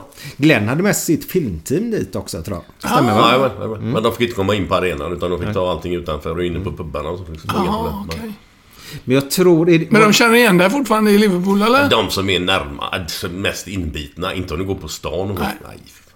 Men fans, fotbollsfansen gör Det var de riktiga eh, gubbarna. är det mest norrmän där? Om man säger... Ja, i och med att, i och med att, att Norge har haft sju, åtta spelare i Liverpool. Sverige har bara haft en. Men de har ju haft spelare efter spelare som kommer varje år liksom regelbundet. Liksom som Riese, Björneby, Kvarme, Leonardsen, liksom, det, de har haft folk hela tiden. Liksom, från Mm. Norrmännen gillar ju Liverpool. Ja, ja, ja. Många det, som de är, har, eh, Det är ju tre- deras första lag liksom. 30 000 tror jag, eller någonting. 40 000 kanske. Eh, supportrar i, i Liverpools norska sportklubb. Så bara norrmännen nästan kan fylla Anfield? Ja, ja nästan. Du, jag har glömt att berätta en, en grej. När vi hade gjort den här, eh, när vi hade gjort de här grejerna på Malta och där. Så var vi i Grekland, jag och min fru. Något år senare. Och så sitter vi bredvid två italienska tjommar. Och så börjar vi prata lite, sen är de, var är ni ifrån? "Nej, Vi är från Florens, tror jag de sa. Ja, and you? Uh, Sweden, Gothenburg. Are you from Florence? Så, och så börjar vi prata. Så började vi prata fotboll. Så, ja, men, så sa jag, jag känner en som har spelat hos er. För det var väl där du var. Ja, Who? sa de. "Uh, Glenn Hysén. You know Glenn Hysén? Det blev nästan så att de ville ligga med mig, de här gubbarna. För att man kände Glenn Hysén. Ja. Så där gjorde du avstamp. Ja, men det är ju så det, de är ju sjukare nu. Ja, ja. Det är ju, de är ju sanslösa. Ja, men men, det- men det är ju så här. Ena veckan om du spelar bra, då är det ju guld i gröna skogar. Nästa vecka så är det Ja. katastrof. Så Men spottar det är de ju på som med musik. Samma. Ja, men du måste ju berätta. Du hittade en, ett nytt härligt hotellrum i Liverpool när du var över här nu. Ja, det var ju lite sjukt alltså för att det finns en, en pub som vi har gått på i alla år när vi har slutat spela då. På um, Sanden så heter det, som ligger 100 Men meter... inte, inte drack ni öl när ni spelade fotboll. Jo, det gjorde det väl lite grann. Men det här är mer en sån här eh, pub som vi har varit på när man har varit och tittat på matcher Mhm. senare då. Och där har det varit säkert 20 gånger. Och så fick jag, så kom vi in där och så kom en av vägarna fram där och sa Du, kom med så ska du åka med. Kolla här. Så gick vi upp på andra våningen. Så hade de gjort ett rum. Med sex bäddar. För det är ju sån här, du slänger in sex supportrar liksom. Det är fan inte nog om det är lyxgrejer. Nej. Men det såg jävligt fräscht ut för det var ganska nytt i och för sig då. Och det hade de döpt till Hysénrummet. Nej, Ja, och så hängde det grejer på, på, på väggar, bilder. från dig. Ja. Det är ju fräckt. Tänkte jag, vad i helvete? Man blir ju nästan... Du fick en sovsal. Ja, exakt. Ja, det är stort. Sex stycken, det kunde de ligga där inne. Ja, det var sjukt. Fräckt. Ja. Ja, det är coolt också. Så var du hälsa på ditt gamla hem. Jajamän. Mm. Vi var uppe i Southport och kollade på... Ja, hela stan i och för sig va? men eh, sen även på huset då. Det, är så, det var likadant. Lika, det var inga större förändringar. Nej. Ingen fotbollsspelare som bor där nu. Nej, inte nu. Eh, Men eh, det har bott två, tre stycken. Schmeicher, jag vet inte om ni kommer ihåg han. Tjecken som spelar i... Jo. Ja, han har bott där och så var det någon till. Men det sjuka är att när den som köpte det efter vi hade slutat. Det var en... Vi ser nu så får det rätt väg. Det var en, en polis. Som var inblandad i en incident inne på en krog uppe i, i Southport som det heter då. Där Steven Gerrard hade sopat till någon jävel. Han, han fick nog för han, han fick någon skit antagligen eller något. Jag vet inte vad det var. Och då var den här utredningen. Det var det han som hade utredningen, den här killen då. Och sen eh, hände en annan grej. Det var en som blev knivmördad inne på en restaurang. Då var han också med den här gubben. Och han som bor där nu, det är hans farsa. den gubben. Det är sjukt. Helt sanslöst. Jag, jag mötte Lassie live. Jag hängde knappt med det i Nej, inte jag slutet. heller, men det blev bra. Ja, ja, ja, men han som var där från början, polisen, som var med på utredningarna. Hans farsa bor där idag. Han är också polis. Aha. Fantastiskt. Men inte hans farsa kan det inte varit? Kan det vara? Okej. Varför kan du Gamla gubbar kan också bo i hus. Vad är det med Han dig? måste vara 280 Nej, år. nej, nej, nej, nej, nej, nej, de, nej för fan. Han var 11 bara när andra poliser. Ja, jag kan ha fel. Nej, men vad tänker Du sålde det 92. Ja, klubben hade, det var klubbens hus. Ja, ja. Men, ja. Ja, men så tog han ju över det 92. Så bara, bara räkna lite snabbt så hur många år det är. Ja, vad sa jag nu? Jag sa ju tvärtom. det är 27 år. Ja, Tvärtom, jag fan. tror ju att det var pappan som köpte det och så Tvärtom, sonen, Sonen. bor där nu. Ja. No. Tack! Jag hade lite... Du hade rätt. Ja. Annars hade det bott en 208-åring där. Åh, herregud. nej, det Peter, är fel. vi, vi måste runda av här. Ja. Eh, bara en fråga, vart, vart kan man följa dig och så överallt? Eller vart är du ute på? Jag har väl två... Jag, om, man vill ha mest, om man vill ha koll på vad jag gör så är eh, min Facebook, eh, min artistsida Peter Simson på Facebook Mm. mm. enklast. Och sen kommer det musik i år. Mm. Eh, Det ni fick tjuvlyssna på förut är ju, tycker jag, väldigt spännande. Jag har tagit tre gamla Drängarna-låtar. Två utav våra mest kända låtar och en låt som eh, inte var så känd som låg på vår första platta. Mm. Och gjort totalt nya versioner av dem. Och vet du vad? Både jag och Glenn ger fem av fem av dem. Ja, det var kul. Ja, det var Det jävligt... var riktigt- Det blir ju annorlunda. Det var bra. Och jag gillar det som du har gjort annorlunda. Mm. Så kan jag bara säga. Så att de släpps inom kort. Mm. Och sen har jag börjat skriva på ny musik och jag har en, har en idé. Eh, Min första skiva släppte jag 95. Jag har aldrig gjort en vinyl. Det är en sån bucket list. Så jag, jag har en idé om att göra en vinylplatta i år. Där du vänder A och B-spår. Ja, liksom, ja, ja, fan, för att planera om grejerna. Eh, Och jag kommer bara göra väldigt begränsad upplaga. Och jag skiter fullständigt i om det kostar mig 10 000 att göra det. Jag vill ha en Ja, ja. vinylskiva Ja, liksom. Vad fint. Det var skönt att kunna hålla i något. Ja, också. men lite så, för det kommer man ihåg själv. Ni kommer ihåg skivorna, Ja, ja, det ja. formatet. Ja, ja, ja. Alltså, Det de första mäktigt. plattorna, det är ju en helt annan grej. Jag tror min första skiva var Oa hela natten. Och fytterackarn, min eh, var mycket bättre. Min första var Flamingo 6. Åh! Ja, nu ja. snackar vi klass alltså. Världsklass och Ja, ja, ja. Och, det är ju lite roligt, för jag har ju lärt känna de här gubbarna sen. Eh, Och jag, varje gång jag träffar Dennis Ja. från Flamingo så tycker han det är så roligt. Jag säger, du var min första idol. Han är roligt som fan. Han är underbar igen. Bor ni i Kungsbacka nu tror jag? Ja, det tror jag. Någonstans där nere. Ja. Glenn då? Din första Jag, jag skiva? tror, jag inte hundra, men jag tror att det var Neil Diamond. Oh, Men- det lät lite för bra. Ja, men nej, nej, Neil Diamond, Cracklin' Rose heter den. Ja. Ja. Och så var det Djungelboken. Ja, den var tidig också. Ja, Självklart. Ja. hela den jävla skivan. Jag lyssnade på den Min andra skiva kväll. däremot var Kiss. En utav deras första. Och sen så fick jag ögonen upp för Rainbow sen var jag fast. Har du hört att Patrik Sjöberg har sett Kiss osminkade? Spelande. Jaha, men det är många som har gjort. De gjorde ju turnéer med det. Oj. Den var inte sminkad. Ja, de hade en period på Ja, ja. 80-90-talet Okej. utan Ja, smink. 90 då sådana var kanske. Kan det ha varit. Ja, men han var 70-talet där va? Jaha, De eh, utrymde hela Skandinavien med folket då. Så missade de att slänga ut. Han var en liten pojk då. åh fan.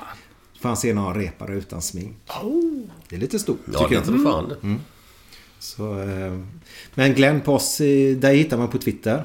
Ja, ingenting. Alltså du hittar mig på andra också, men jag är inte med där. Jag Nej. vet inte varför. Jag är på Facebook och överallt för fan det är från. Jag, jag, är inte, jag skriver aldrig en rad. Nej, men vi har ett Instagramkonto tillsammans som heter Gottarna Glenn Ja, också. ja. Facebook har vi ett som heter Götterna då. Ja. Ja.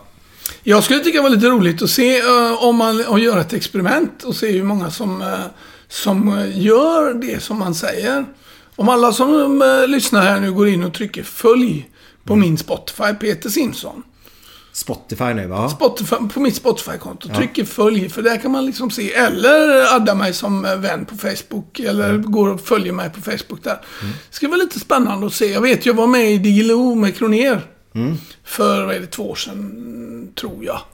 Då var det som så, dagen efter det programmet så fick jag 800 nya följare. Eller efter det programmet. Och sen var vi med i Bingolotto ett år senare. Då, där fick jag åtta nya följare. Jag tänkte säga, det ska bli spännande vilket som slår mest Ja, då. nej, men det, är var, det, det är lite då ser man ju att de som kollar på Bingolotto, det är inte riktigt de som är liksom på de sociala vad? medierna. De är precis som de som är på julbordet. De skiter i musiken, de vill bara spela och de andra vill bara supa. Så kan det. Så kan vi runda av det här faktiskt. Nej, men Bingolotto-publiken är ju, tror jag, kanske till och med fortfarande skivköpare. Ja, många av dem är ju Ja, men det är ju Ja, en ja, lite ja. äldre publik sådär. Ett fint program som har gett mycket Ja, till fy Sverige. fan. Det ska bli kul. eh, Nu är förhoppningsvis Kronér tillbaka i uh, Doobidoo-världen igen. Ja, Okej, trevligt. Han har massa grejer på gång där Ja. så det är bra. Det är bra. Gött. Vi gillar det. Gött denna. Ja, Ja. härligt. härligt. Eh, Efter den här låten då som vi ska spela så kommer ju Glenn med sina härliga, härliga historier då. Så häng kvar och eh, så hörs vi nästa vecka. Ha det. Ha det gött! Ja men ha det gött säger vi så här. Ja, jag- jag sa får bara klippa ha det. Ja.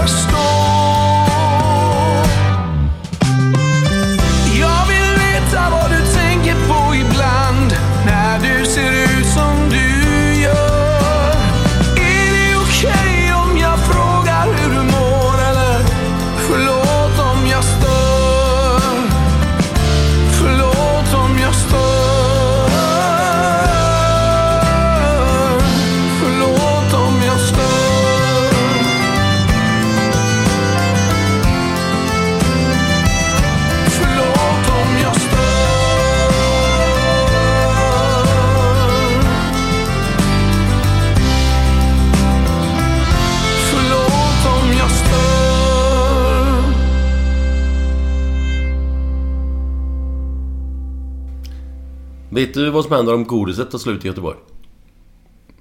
Katastrof. Det blir lakrits! Åh! Sen har vi en till här. Två blygdläppar. Satt och snackade med varandra. Fan, Gud vad jag är trött på det här med korv och sås varenda jävla dag. Man slutar gnäll. På lördag får vi ju tunga.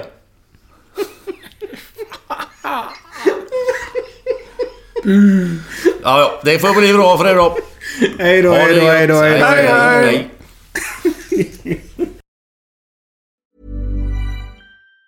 Even on a budget, quality is non-negotiable. That's why Quince is the place to score high-end essentials at 50 to 80% less than similar brands. Get your hands on buttery soft cashmere sweaters from just 60 bucks, Italian leather jackets, and so much more. And the best part about Quince, they exclusively partner with factories committed to safe, ethical, and responsible manufacturing. Elevate your style without the elevated price tag with Quince. Go to quince.com slash upgrade for free shipping and 365-day returns.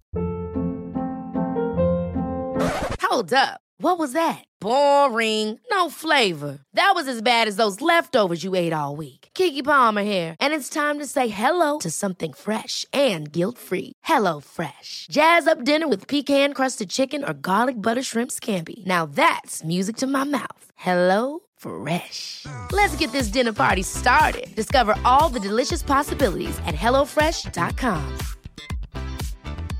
when it comes to your finances, you think you've done it all. You've saved, you've researched, and you've invested all that you can. Now it's time to take those investments to the next level by using the brand behind every great investor, Yahoo Finance. As America's number one finance destination, Yahoo Finance has everything you need, whether you're a seasoned trader or just dipping your toes into the market. Join the millions of investors who trust Yahoo Finance to guide them on their financial journey. For comprehensive financial news and analysis, visit yahoofinance.com, the number one financial destination, yahoofinance.com.